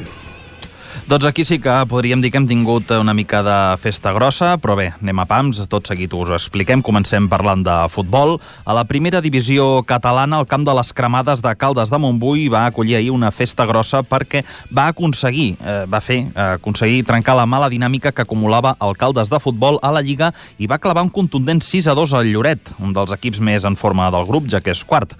El Caldes, doncs, que ara és 12 amb 26 punts, fet que els permet tenir esperances encara en la permanència en aquesta primera catalana, mentre que els gironins són quarts. Més futbol, a la tercera catalana, el grup 5, el líder, el Mollà, també va estar de festa grossa aquest cap de setmana en el seu partit, i és que va clavar un 0 a 6 al Santa Eugènia, la seva visita al camp del Santa Eugènia, fet que el consolida com a líder en solitari.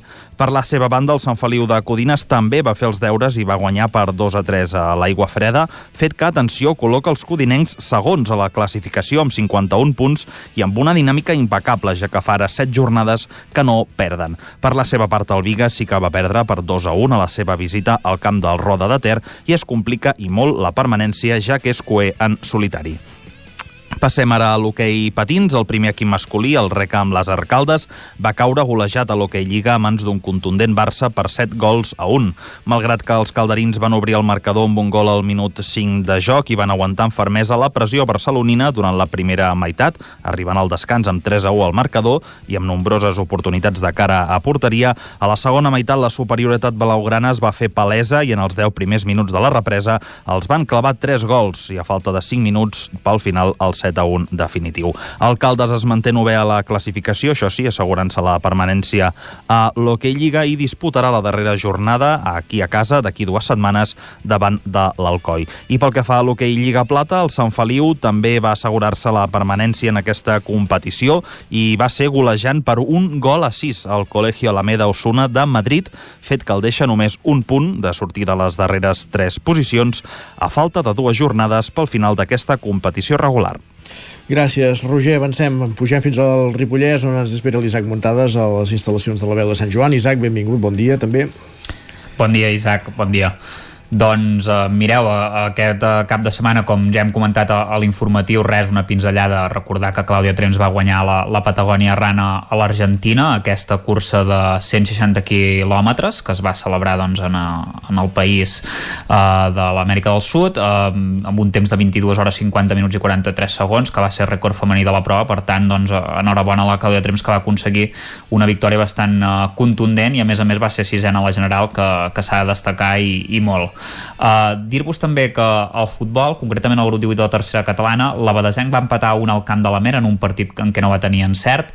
Taric va aprofitar una pèrdua de pilota en defensa per fer el primer a l'inici de la segona part i De Cruz empatava 20 minuts després en aprofitar una pilota morta dins de l'àrea. Ara mateix la Badesenc continua segona a la classificació amb 51 punts i es queda a 15 del lideratge.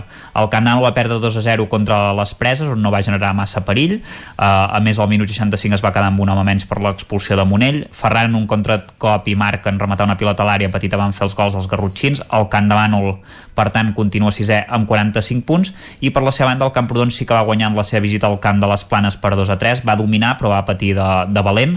Es va avançar en tres ocasions, a Lluc de penal, després va empatar l'Eix al contraatac, Aniol va tornar a posar per davant el Camprodon de falta directa, Xavier va empatar també de falta directa i 5 minuts després de, del 2 a 2 Edu va aconseguir marcar el de la victòria. El Camprodon és desè amb 35 punts. Uh, passem a l'hoquei, perquè l'hoquei Club Ripoll va quedar líder uh, amb 26 punts la segona fase de la Lliga de Nacional Catalana i es mantindrà un altre any a la categoria. Els ripollesos van vèncer per 4-3 al Voltregà B, en una primera part en què van marxar perdent 0-1, però la segona van, van remuntar 3 a 1, 3 a 3 i en l'últim uh, segons doncs, el, el Ripoll va aconseguir marcar un gol a porteria buida Uh, I dir-vos finalment que també a la primera nacional de futbol sala l'escola de futbol sala Ripoll va aconseguir una altra victòria després de golejar el Vigues i Riells per 5 a 2 amb un triplet de Pere, un gol d'Eudal i un altre de Calit i bé, va ser un partit més disputat de l'esperat, però els ripolleros continuen tercers a la classificació amb 45 punts a 7 del líder quan només queden 5 partits per acabar la competició. Gràcies, Isaac, i acabem aquest recorregut als estudis del 9FM on un matí més ens hi espera l'Aleix Castells. Benvingut, Aleix. Hola, bon dia. Com era la jornada esportiva? Doncs comencem, com sempre, amb el, amb el Tona aquest cap de setmana, a tercera federació, on va jugar al camp del Sant Cristóbal i les coses que no van anar massa bé, ja que els usonencs van perdre per la mínima en un gol matiner dels locals al minut 15, que de fet seria doncs, un gol definitiu. Això significa que l'equip entrenat per Ricard Ferrés en tindria suficient en empatar el darrer partit de la temporada, ja que ara mateix eh, en tenen 3 de marge respecte a les posicions de descens, inclús perdent el seu últim partit també es podrien salvar salvar, eh? perquè hi ha diferents equips implicats en aquesta part baixa. Uh, primera catalana, el Torelló, que va sumar els 3 punts molt importants després de guanyar per 2 a 1 al Granollers. Amb la victòria se situen a només 4 punts de la salvació i reviuen les esperances per un objectiu que semblava impossible fa unes setmanes. El... Sí. Esperem. Esperem, esperem. El Manlleu, que també sumaria els 3 punts, eh, vèncer 1 a 0 el Parets i el Vic aconseguiria el mateix resultat com a visitant al camp del Figueres. Així que, en aquest sentit, a primera catalana hem tingut eh, tots resultats resultats positius aquesta setmana, a veure si es repeteix també en les, en les properes.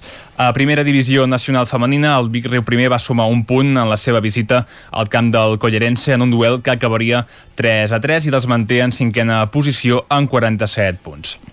A segona catalana, el GURB, que es va quedar sense premi en un partit que va perdre per un gol a dos contra l'Atlètic Júnior. Tot i ser capaços d'igualar el maig en el minut 39, els visitants farien el segon al minut 60 i acabarien de lligar els 3 punts. Pel que fa al Voltregà i al Tradell, també perdrien els seus respectius partits i el Vic Riu primer guanyaria i té ja pràcticament la salvació a tocar.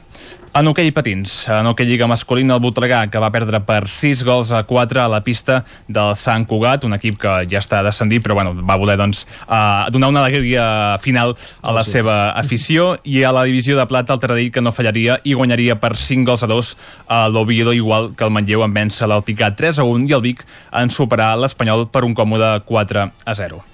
Tenim un minut per la resta de resultats. Sí, doncs uh, passem per el que és potser la mala notícia d'aquesta setmana, ja que el Manlleu d'hoquei femení uh, va quedar eliminat de la Champions League Women després d'empatar el seu partit 3 a 3 contra el Vilassana. Recordem que havien de remuntar un 3, de, un 3 a 2 en contra i al final doncs, no van ser capaces de poder-ho fer. Esperem doncs, que la setmana que ve, ai, la setmana que ve, l'any que ve, la temporada que ve, ho puguin aconseguir. I acabem doncs en bàsquet, el Club Bàsquet Vic, que també es va quedar uh, sense opcions punts per poder pujar de categoria eh, i emportar-se, per tant, el títol de la Lliga EVA, el conjunt biguetà, que va perdre a domicili contra el líder de la categoria, el Mallorca, per 76 a 67 i a manca d'una jornada per acabar la Lliga, doncs, que ara mateix es queden, com dic, sense opcions per eh, poder ascendir de categoria. Gràcies a Aleix. Recordar també que Andreu Simón i Anna Pujol han estat els guanyadors de Pels Camins dels Matxos. Simón superant, rebaixant la marca de les 6 hores i, per tant, aconseguint aquest matxopot. Gràcies, Aleix. Bon dia. Nosaltres. Una pausa i tornem. El nou FM, la ràdio de casa, al 92.8. Per moure't, lloga un cotxe ALR. Per moure la família, lloga un minibús ALR. Per moure coses, lloga una furgoneta ALR. Per moure la casa, lloga un camió ALR. Lloguer de cotxes, furgonetes i camions ALR. Ens trobaràs al carrer Francesc Sant Climent 83 de Vic i també a Olot i Manresa. Informa't en el 93 888 60 57 o bé consulta el web alr.cat. Bon dia, us truco del servei tècnic oficial de Bailand. Hem detectat que la pressió de la seva caldera està baixant. No me n'havia adonat. Com es pot solucionar? Ho resoldrem en uns minuts. No espereu més. Amb el servei de manteniment ServiPlus Connect de Bailand, preocupeu-vos del que realment importa. Nosaltres ens encarreguem de la vostra caldera. Informeu-vos a connectivitat.bailand.es.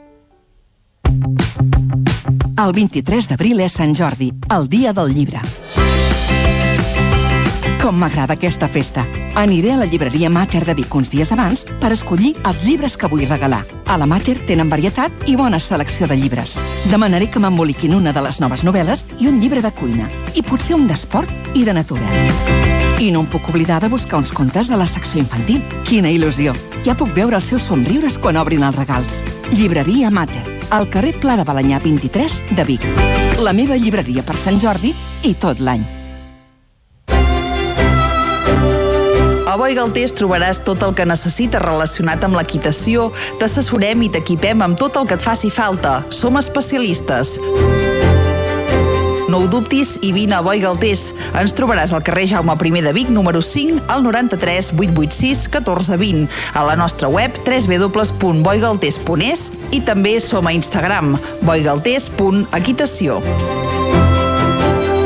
Aquesta primavera, Centelles és màgia. El 15 d'abril participa a l'onzena cursa pel poble saharaui. El 22 d'abril vine al concert dels Catarres com a prèvia de la gran festa de Sant Jordi. L'1 de maig, a plec del Turó de Puigsegordi i el 7 de maig, concert amb el cantautor californià Danny Moff. També pots participar a la Caminada Solidària Popular el 21 de maig i el 10 i 11 de juny, 14a Fira de la Ratafia de Centelles. I celebrarem el solstici d'estiu amb la Festa de Sant Joan. Centelles és màgia. Ser a prop vol dir veure les coses més bé. Apropa't al que t'interessa amb la xarxa Més. La teva plataforma audiovisual de qualitat, proximitat i gratuïta. Gaudeix dels continguts de més de 30 televisions locals i podcast quan, com i on tu vulguis. Entra a la xarxa més.cat i descarrega't l'app.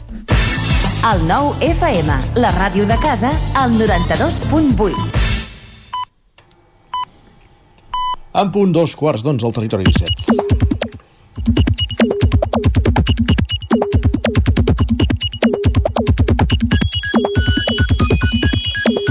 I un moment al territori 17 de saludar en Guillem Sánchez, que ja ens espera als estudis, a l'estudi del 9FM. Guillem, benvingut, bon dia. Bon dia, bon dia, bon dilluns. Com estàs? Doncs bé, bé, bé. Va bé el cap de setmana? Sí, i amb moltes ganes d'afrontar ja aquesta setmana de, de Sant Jordi, eh? Ah, sí, Hi ha ganes. diumenge. Hi ha ganes. Allà a l'horitzó. Anirem parlant, eh, durant la setmana. Avui concre- concretament no, perquè tenim molts temes també per tractar, Doncs però va. durant la setmana els anirem traient. Som-hi. Va, com ens diu en Jaume, fa una deducció avui al, al matí a la qual bueno, no podem discutir. Ens diu, si ahir era diumenge, avui m'he llevat molt d'hora i li acabo de dir deixa'm passar a una gavina, és que avui és dilluns. El deixen passar a una cabina que no l'he acabat d'entendre. Jo, jo tampoc, però, però bé, mm, mira, es veu que es devia trobar una gavina per al, per al carrer i, i ja li ha dit el deixa'm passar. El deixa'm passar. Que de fet això ens serveix per eh, obrir un altre debat. Mireu com contesta la Laura, que diu primera imatge del dia al sortir al carrer, una gavina menjant-se un colom. Mm. quina, quina imatge més bucòlica, no? Molt. Molt, Que molt bucòlica. Passem? Va, passem Va, dit. doncs vinga, parlant d'ocells, aquesta piulada crec que és de les que té més mèrit del dia d'avui. En Leo ens diu, un aspirant a les proves d'accés de l'Institut del Teatre ara mateix a la biblioteca, diu teniu un llibre que es diu Chekhov i la bibliotecària li diu Chekhov és l'autor, l'obra es diu La Gavina. Diu, ma, ma, mal empezamos. I, i corria una llegenda sobre una, sobre una bibli- biblioteca d'Osona que va, algú va anar a demanar uh, un llibre de màrqueting i li van respondre que d'aquest autor no en tenien cap. Va, perfecte. Va, i aquí va començar una mica el debat perquè en aquesta piulada li respon també en Ramon que li comenta la majoria de persones que es presenten a l'Institut del Teatre tenen 18 anys. Jo amb 18 anys tampoc sabia qui era Chekhov. Què respondries tu, Isaac? Depèn, no?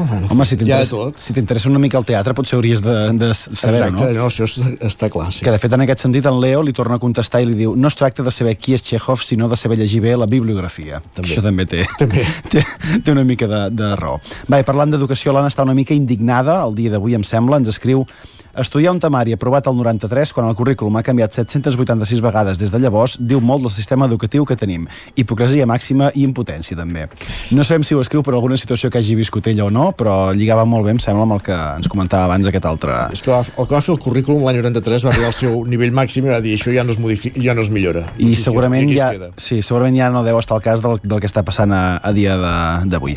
Va, i una aportació de la Irene, a veure què et sembla, ens diu, quan presentes a dues persones i es fan més amigues entre ells que amb tu. Diu, ostres, vull que us porteu bé, però tampoc que sigueu els millors amics. Se'n diu fer de Celestina. per exemple, per exemple.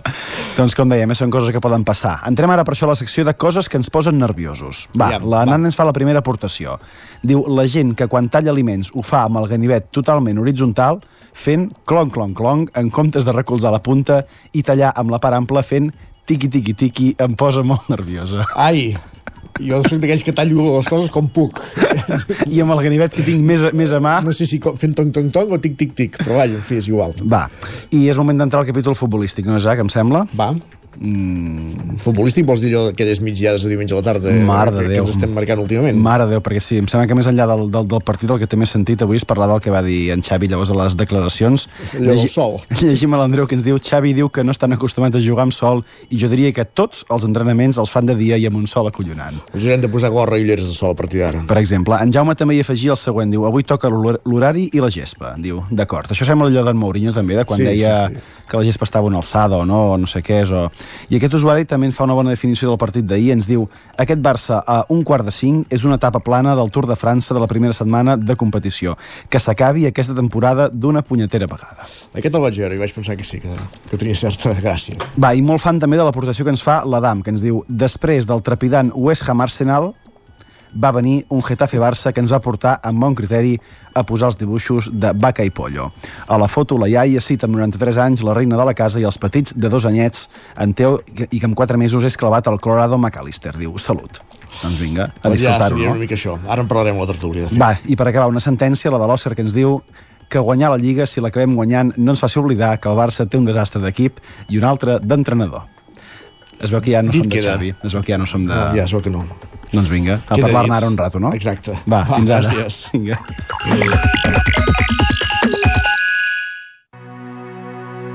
Territori 17. El 9 FM, la veu de Sant Joan, Ona Codinenca, Ràdio Cardedeu. Territori 17.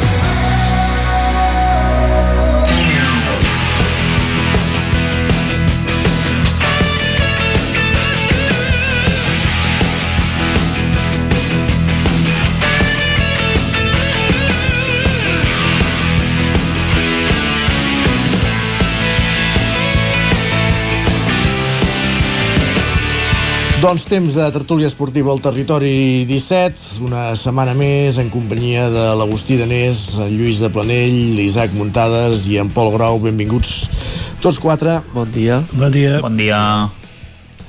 Per parlar una mica d'aquesta jornada de Lliga del cap de setmana, en Guillem llegia tuits sobre aquest partit, no sé si dir-ne infumable, dormidor del Barça i a l'hora de la migdiada davant de, del Getafe, que va acabar amb 0-0 i em sembla que això vam dir un dia, el, el millor és el resultat, que mira, mira, mica mica va sumant. Que passa que fins ara sumàvem victòries d'1-0 i ara ja sumem empats 0-0, últimament. Sí, això és així i el partit va ser, va ser dolent va ser dolent, dolent, dolent però jo el que trobo un excés de no sé com dir-ho, un excés de, de, de crítica no?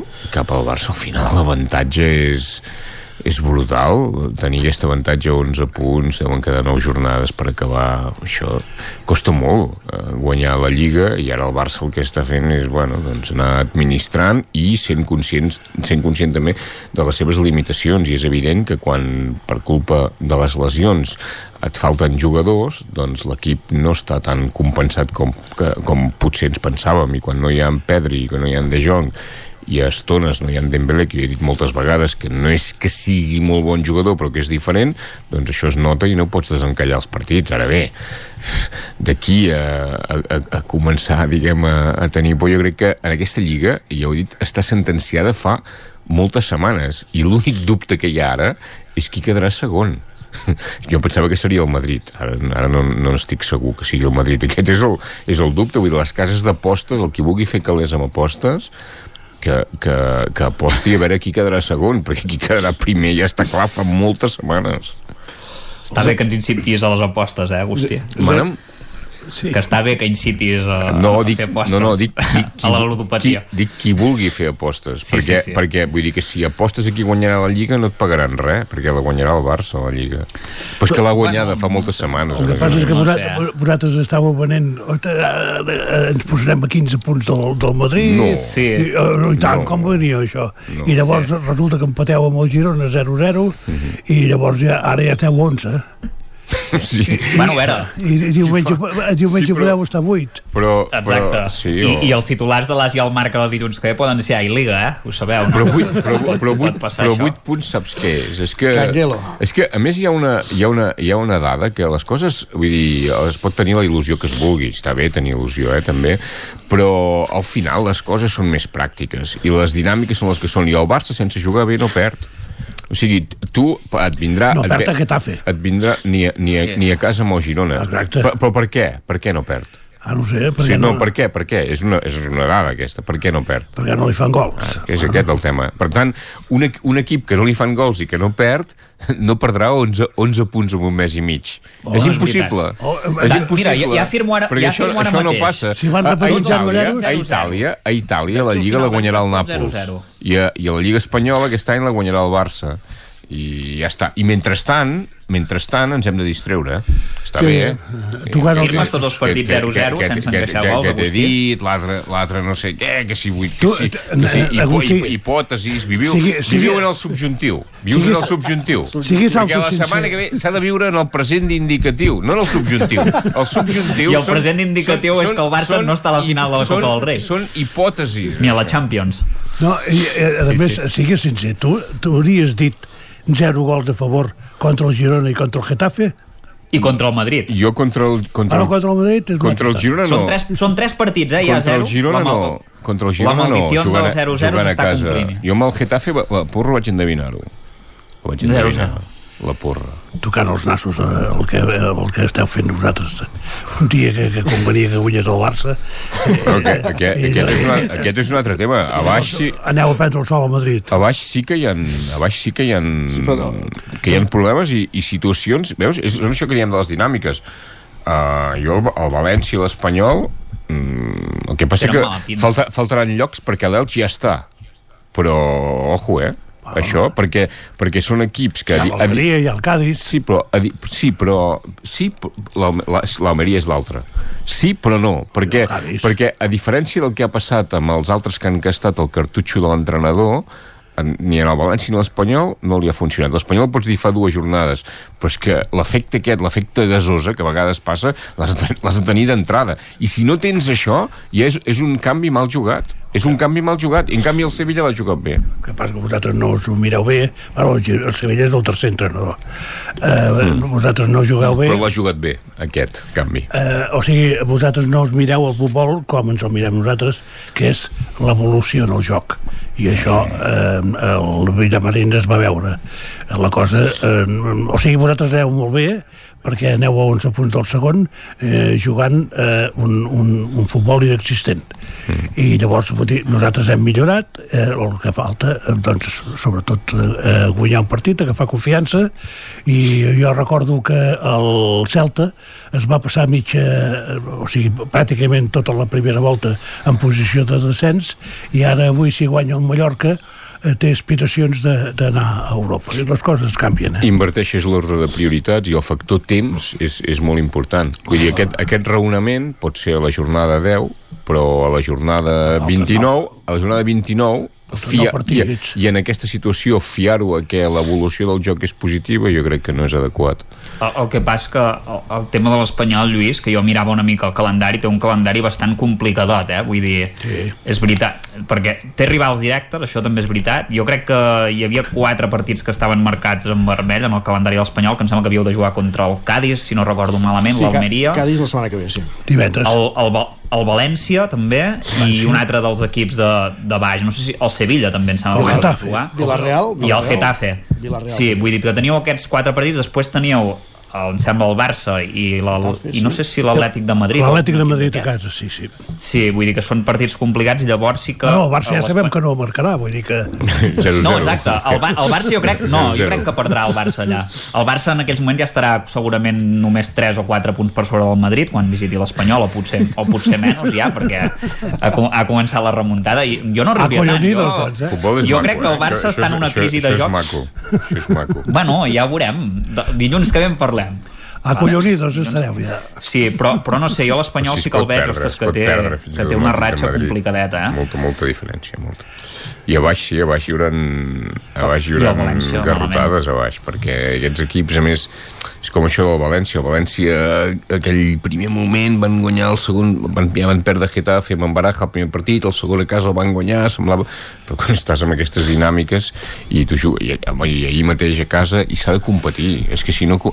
És que la- la- l'Almeria ahir va competir, va perdre però va competir el Camp Nàutic de Madrid. S'ha de competir. O sigui, el, el, el punt 1 no, no és eh, jugar bé, és competir. és competir. I després sumar i, amb aquestes situacions. I després jugar bé. I això passa per molt... I els altres també juguen, clar. Però competir, això sí que depèn de tu. Ara, ara ja no sé si us hem, us hem passat a davant, però els, els equips que han marcat més, eh, eh, més gols per, per partit, Madrid, Barça, Atlètic de Madrid i Espanyol. Que han marcat més gols per partit. Sí. O sigui que han, han marcat com a mínim un gol per partit en eh, Madrid, Barça, Atlètic de Madrid i Espanyol.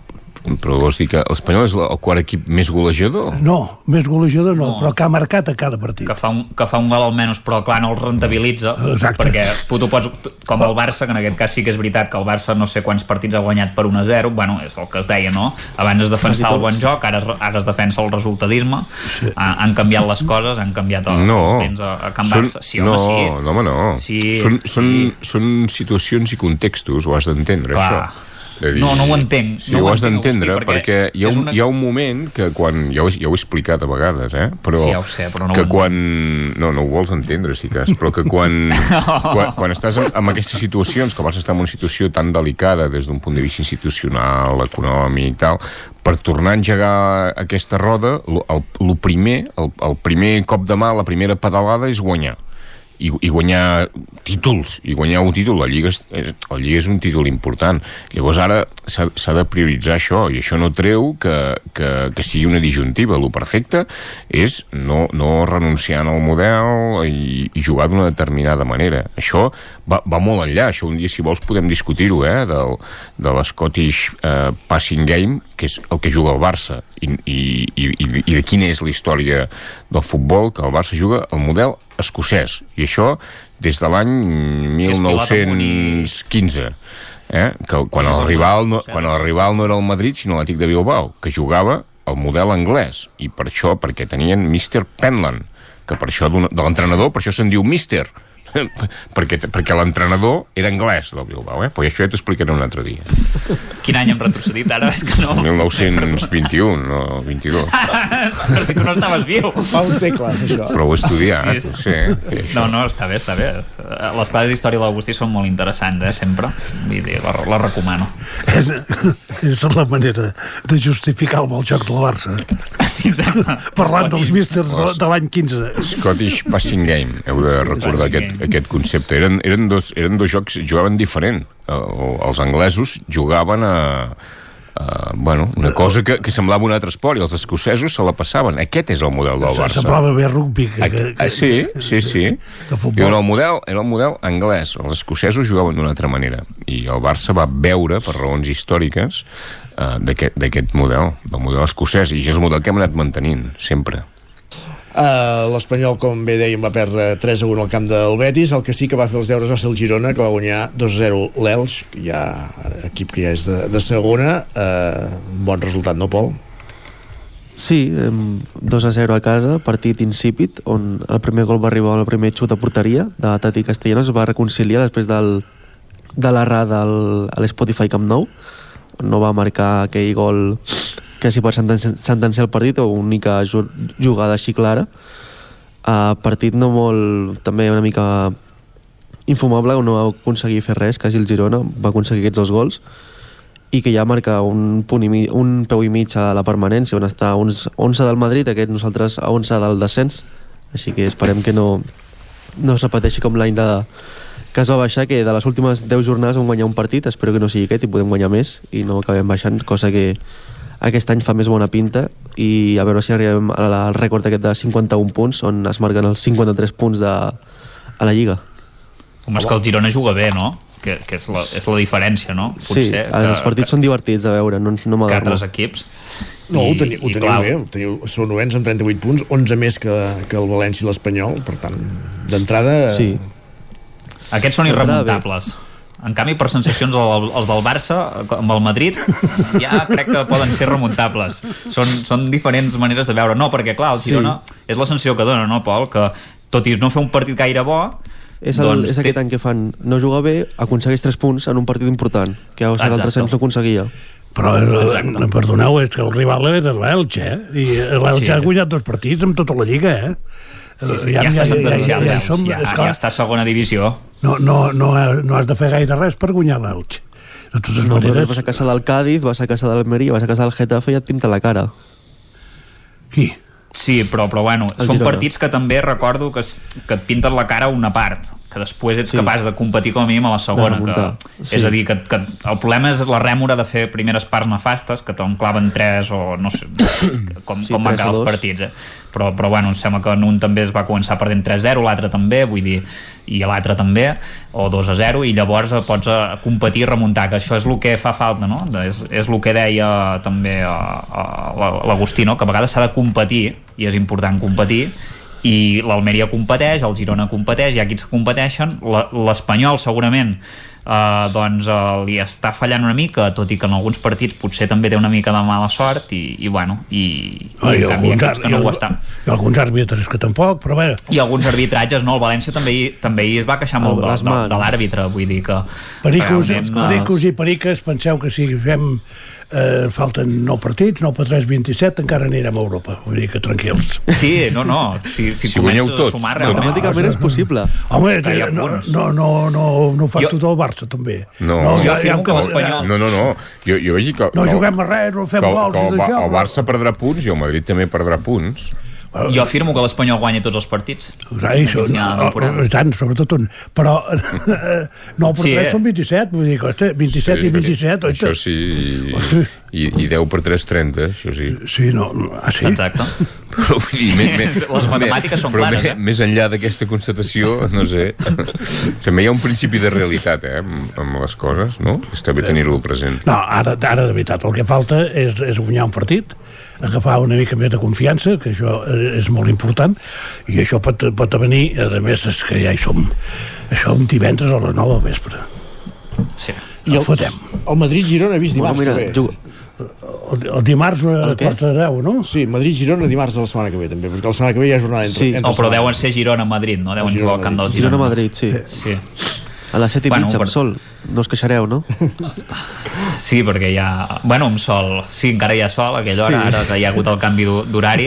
Sí, ja, ja portarem nivell after sun, que és important portar-la quan, quan hi ha sol. I ulleres, potser hi ha- ulleres de sol. Hi ha entrenadors que es queixen ara del sol, Sí. de la gespa, del sol, vull dir, diu que no soni excusa, però clar, després, eh, tot el que eh, es diu abans d'un pro, malament. I no... A, a la gespa estava mal tallada, no sé què... Bueno, no, eh, són, es, són excuses barates i, i, i, no, i no, no pot justificar el mal joc al Barça. Perdona que tornem al mal joc del Barça, però és que s'ha de constatar que està en una Sí, ens falten, crisi... ens falten Però, però jugadors. tornen en Pedri i en De Jong, que això canviarà, home. Sí, ens falten jugadors Bueno, i, i costarà. I, ara, I el partit ara aquest és interessant, el dia de Sant Jordi, un quart de quatre, l'Atit de Madrid, és un partit, aquest és interessant, primer contra tercer, no? Totes maneres, eh, donar, diguem, eh, pistes a l'enemic no, no hauríeu de fer. Perquè, és clar, ara us trobeu a tots els camps amb les espalpes. No la tallarà ningú. Això ja se sabia. Això, Clar, exacte. Home, Això, eh, això ja de l'època d'en Guardiola, que se'n això ja ho parla. feien, ja ho van intentar, ho han intentat tot. i per què ho diuen? Ho, ho, ho intenten tot i quan, i quan no poden ho arreglen a cop de punys vull dir vols dir? que eh, ho, ho intenten tot ara tu Qui, qui eh, fa això dels cops de puny? Sí? Ha, ahir ho pensava, el partit aquest del Cádiz també, que, que es va acabar una mica la mitja part, la mitja part, que vaig veure un, i, i, i anaven cap a... I vaig pensar, ara ho arreglaran, aquests no hi estan gaire, aquests. Però... És més aviat al final. O, o, Sí, però era la mitja part, l'altre dia va ser la mitja part, però no, no, no, no devia passar, els van agafar, els van agafar i, i, no, va, i, i no va anar més. És curiós també tot, tot aquest, aquesta, aquesta qüestió. Avui a la roda de premsa aquesta d'en d'en Guardiola, no? Ai, d'en De Laporta. Exacte, Laporta. d'en Laporta sobre el, sobre el tema aquest d'en Negreira. Negreira, que el van fent durar, bueno, diguem... eh, eh, jo, Tinc la sensació que ja- no dirà res. Eh? Que tinc la sensació que no dirà res. No és, sé que pot, penseu. és que pot dir molt Res poc. No sé, jo penso que que pot no. dir molt poc. A mi el que fa gràcia de, de, de la porta diu no, ja, eh, no tenen res com que no tenen res 7, 7 milions i mig d'euros al vicepresident Sí. del comitè tècnic d'àrbitres això és el a que una tenim. empresa de, de, per fer informes. Home, no, bueno, però és és que, que- això, és molt, això és criticable. Home, això sí. això sí. Jo I sempre he això és sancionable a Europa. No, a Europa no, sí, si hi ha factures, no. Quines factures? Sí, per, Quines factures? Per, per, si, tu pagues, si tu pagues per uns serveis, això... Diguem, pots, Però el vicepresident això, del col·le- comitè tècnic que, d'àrbitres, té, no. que té una empresa, clar. Es Espera, que ara anirem al- al del Madrid, Fa, ara. falta una baula. És el problema que, que teniu. Falta la cadena, eh, però el dret no funciona per indicis. Falta una baula. Ja veuràs a Europa de si dir, de dir, la baula No, aquesta, no, no no, no, pots pujar-hi de peus. Sí, ja ho no, veuràs. no, no, no, no. Ja, ja veuràs si a la porta diu, no, no, és que nosaltres No. ara atacarem, atacareu Sí. aquí. És que si els sancionen, Exacte. si els sancionen eh, al, al final els, el, la justícia ordinària li acabarà donant la raó Bueno, al la justícia ordinària és la d'Europa, que, és la de, que és la justícia de veritat, no, li acabarà... no aquesta Aquí, d'aquí, eh? només aquestes discussions està bé també perquè ens ajuden a mantenir tots una mica, saps? Està... Però hi ha, hi ha un tema que és que aquestes coses tenen un principi i tenen un final, i hi haurà un final i, i no hi ha més. Això no treu que no sigui... Jo ho he dit sempre, jo ho trobo gravíssim. O sigui, fer això, perquè, per, perquè fer això perquè, per què? Per la intenció. Però clar, les intencions no es jutgen. Però el tema és la intenció. Què volies amb això? És evident el que volies, que t'afavorissin. Però, però que, es volies Clar, això. doncs. Però eh, és la intenció que tu... Però falta, un, fa, falta un, una baula d'aquesta cadena de dir, i van pagar amb aquest àrbit perquè els deixés guanyar. No, no, hi és, això. Van pagar en el No. vicepresident del comitè tècnic d'àrbitres. que feia uns informes. Que en aquell moment estaven al càrrec. que feia uns informes. Estaven al càrrec. Igual que, ja ho he dit moltes vegades, i- això. igual No, que... no igual que, el del Madrid i el del No, no, Villarreal. no, igual que el Villarreal va fitxar Veus? i Roca perquè no hi havia ningú més que coneixés És que el cada re- setmana estem que- igual. No, perquè no hi havia ningú més que coneixés el reglament. No, no, és per això. No, per què van dir? Per què van dir? No, van dir, tu, calla, calla, calla, calla, calla. Que, que aquí, per, per aixecar el número, perquè el fan això, el delegat de camp fa No, això. no, no, sí, sí, sí, sí, sí, sí, sí, sí, sí, No, sí, sí. No, I això també... Rep els i, àrbitres, i, això, i, i rep, exacte, i rep els àrbits. Ha de ser algú que sigui educat. I aniria molt bé, aniria molt bé que fos... Aniria molt bé que fos un exàrbitre. Per què? En Zari, Bueno, qui és? un exàrbitre. Però Ah, per què? Però un per què? Però digue'm per què. Però digue'm per què. Però digue'm per què. Home, per què? Per, per Perquè tractar- coneix els àrbits. Clar. Ah, clar. Evidentment. és això. És que és ben bé això. Bueno, però sí, sí. Però ja està no- retirat, ja està retirat, ja no està dins l'organigrama de la federació. eh, eh, que no em sortia el nom, ho va fer de l'Ossassuna. Sí. Va ser delegat de per quan això- va deixar de- d'arbitrar. això, Molt bé. I el, Exacte. i, i, I el Madrid també. Quan va deixar I el? Madrid també, no? El Madrid. Quan va deixar d'arbitrar en Mejuto González o Dani. I no el Madrid no també. Però, Però- però quan va deixar d'arbitrar, quan Però no, no el vicepresident de del comitè tècnic Lluís, d'àrbitres que designa els àrbitres. Lluís, que, que està mal fet, això del Barça. Oh, no, això ja ho sabem. Està. Ara, d'aquí a, a voler Però és que hi delictiu, hagi... no? No, no, no, no. No, No és delictiu, no, no. No, I jo, jo, jo, Europa no no, Europa no prescriu, no prescriu No tot hi, ha, això. no hi ha problema. No, no hi ha I, problema. eh, i si, si us No deixen ha sense problema. Europa, No hi ha eh, haureu de posar una... S'ho- Hauran de rectificar. Si fan això, hauran de rectificar. Haureu de passar la patena com a missa perquè us donin calés, Au, eh? això, això, Exacte. això pot ser que passi sense necessitat que ens excloguin d'Europa. Això pot ser que passi No, això sense també. necessitat que ens excloguin d'Europa. Però Però, si- aquest és, una, és, és un altre tema. I el tema dels àrbitres, home, eh, jo us recomano la lectura del, del Xavier García Luque, que, que, ho ha, que ho ha estudiat bé i és espectacular. O sigui, el, els vincles del Real Madrid en els anys que guanyaven el- Parlem del Madrid, eh? és, és espectacular. D'en José Plaza. Tot era, o sigui, el, els que designaven els àrbitres no és que fossin del Madrid, que ho eren, és que moltes vegades eren exjugadors. I el cas culminant, no recordo el nom, però la setmana que ve el puc, el puc trobar, és que li van encarregar, en, en el, el Col·legi d'Àrbitres, li van encarregar l'organització del cinquantenari. O sigui, no? O sigui, no és que Bueno, era, però- era soci i li van encarregar dir, tu, tu ets, el, tu ets el dels àrbitres, organitzes aquí la, la festa. I van encarregar. Però, Espectacular. Això està molt bé, però això, això justifica el Barça. No, no, no, no. Ah, exacte. no, no, no, no, no. És que- És que, el, és per- que el tema del Barça, jo puc, puc tornar-ho a dir, o sigui, jo ho trobo injustificable i gravíssim que es destinin diners Vale, doncs, a, sanció. a uns informes que no serveixen per res amb la intenció o pensant-se és que això, això és com Però el- això- això és així, eh, això que és així. pensant-se que t'afavoriran El- això és el el- truc el aquest. Ho ha dit, això és una això. estafa o sigui, els van estafar els haurien de, de, haurien de dimitir tots els que, els que van pagar per, per rucs perquè Home, anaven això- pagant i no, i no, i, no i, no, i, no, i no hi ha resultats perquè falta un... I no ho veien, això? I no fins ho a 7 veien. milions, això. Per això, per això és molt greu, per això dic que és molt greu. Ara, que això tingui una translació amb, amb un favoritisme als altres esportius no existeix. Us ho podeu mirar del dret, del revés, bueno, a veure què diuen la porta. No sé. Doncs ho, ho dirà a partir d'ara a les 11, nosaltres ja no hi serem. La setmana que ve portaré el nom del- d'aqu- d'aquest soci del Madrid que els hi va organitzar el cinquantenari. Isaac Muntades, Agustí Danés, Va. Pol Grau, Lluís de Planell, moltíssimes gràcies. No dormirem fins la setmana que ve. Fins la setmana que ve. Exacte. Adéu. Bon dia.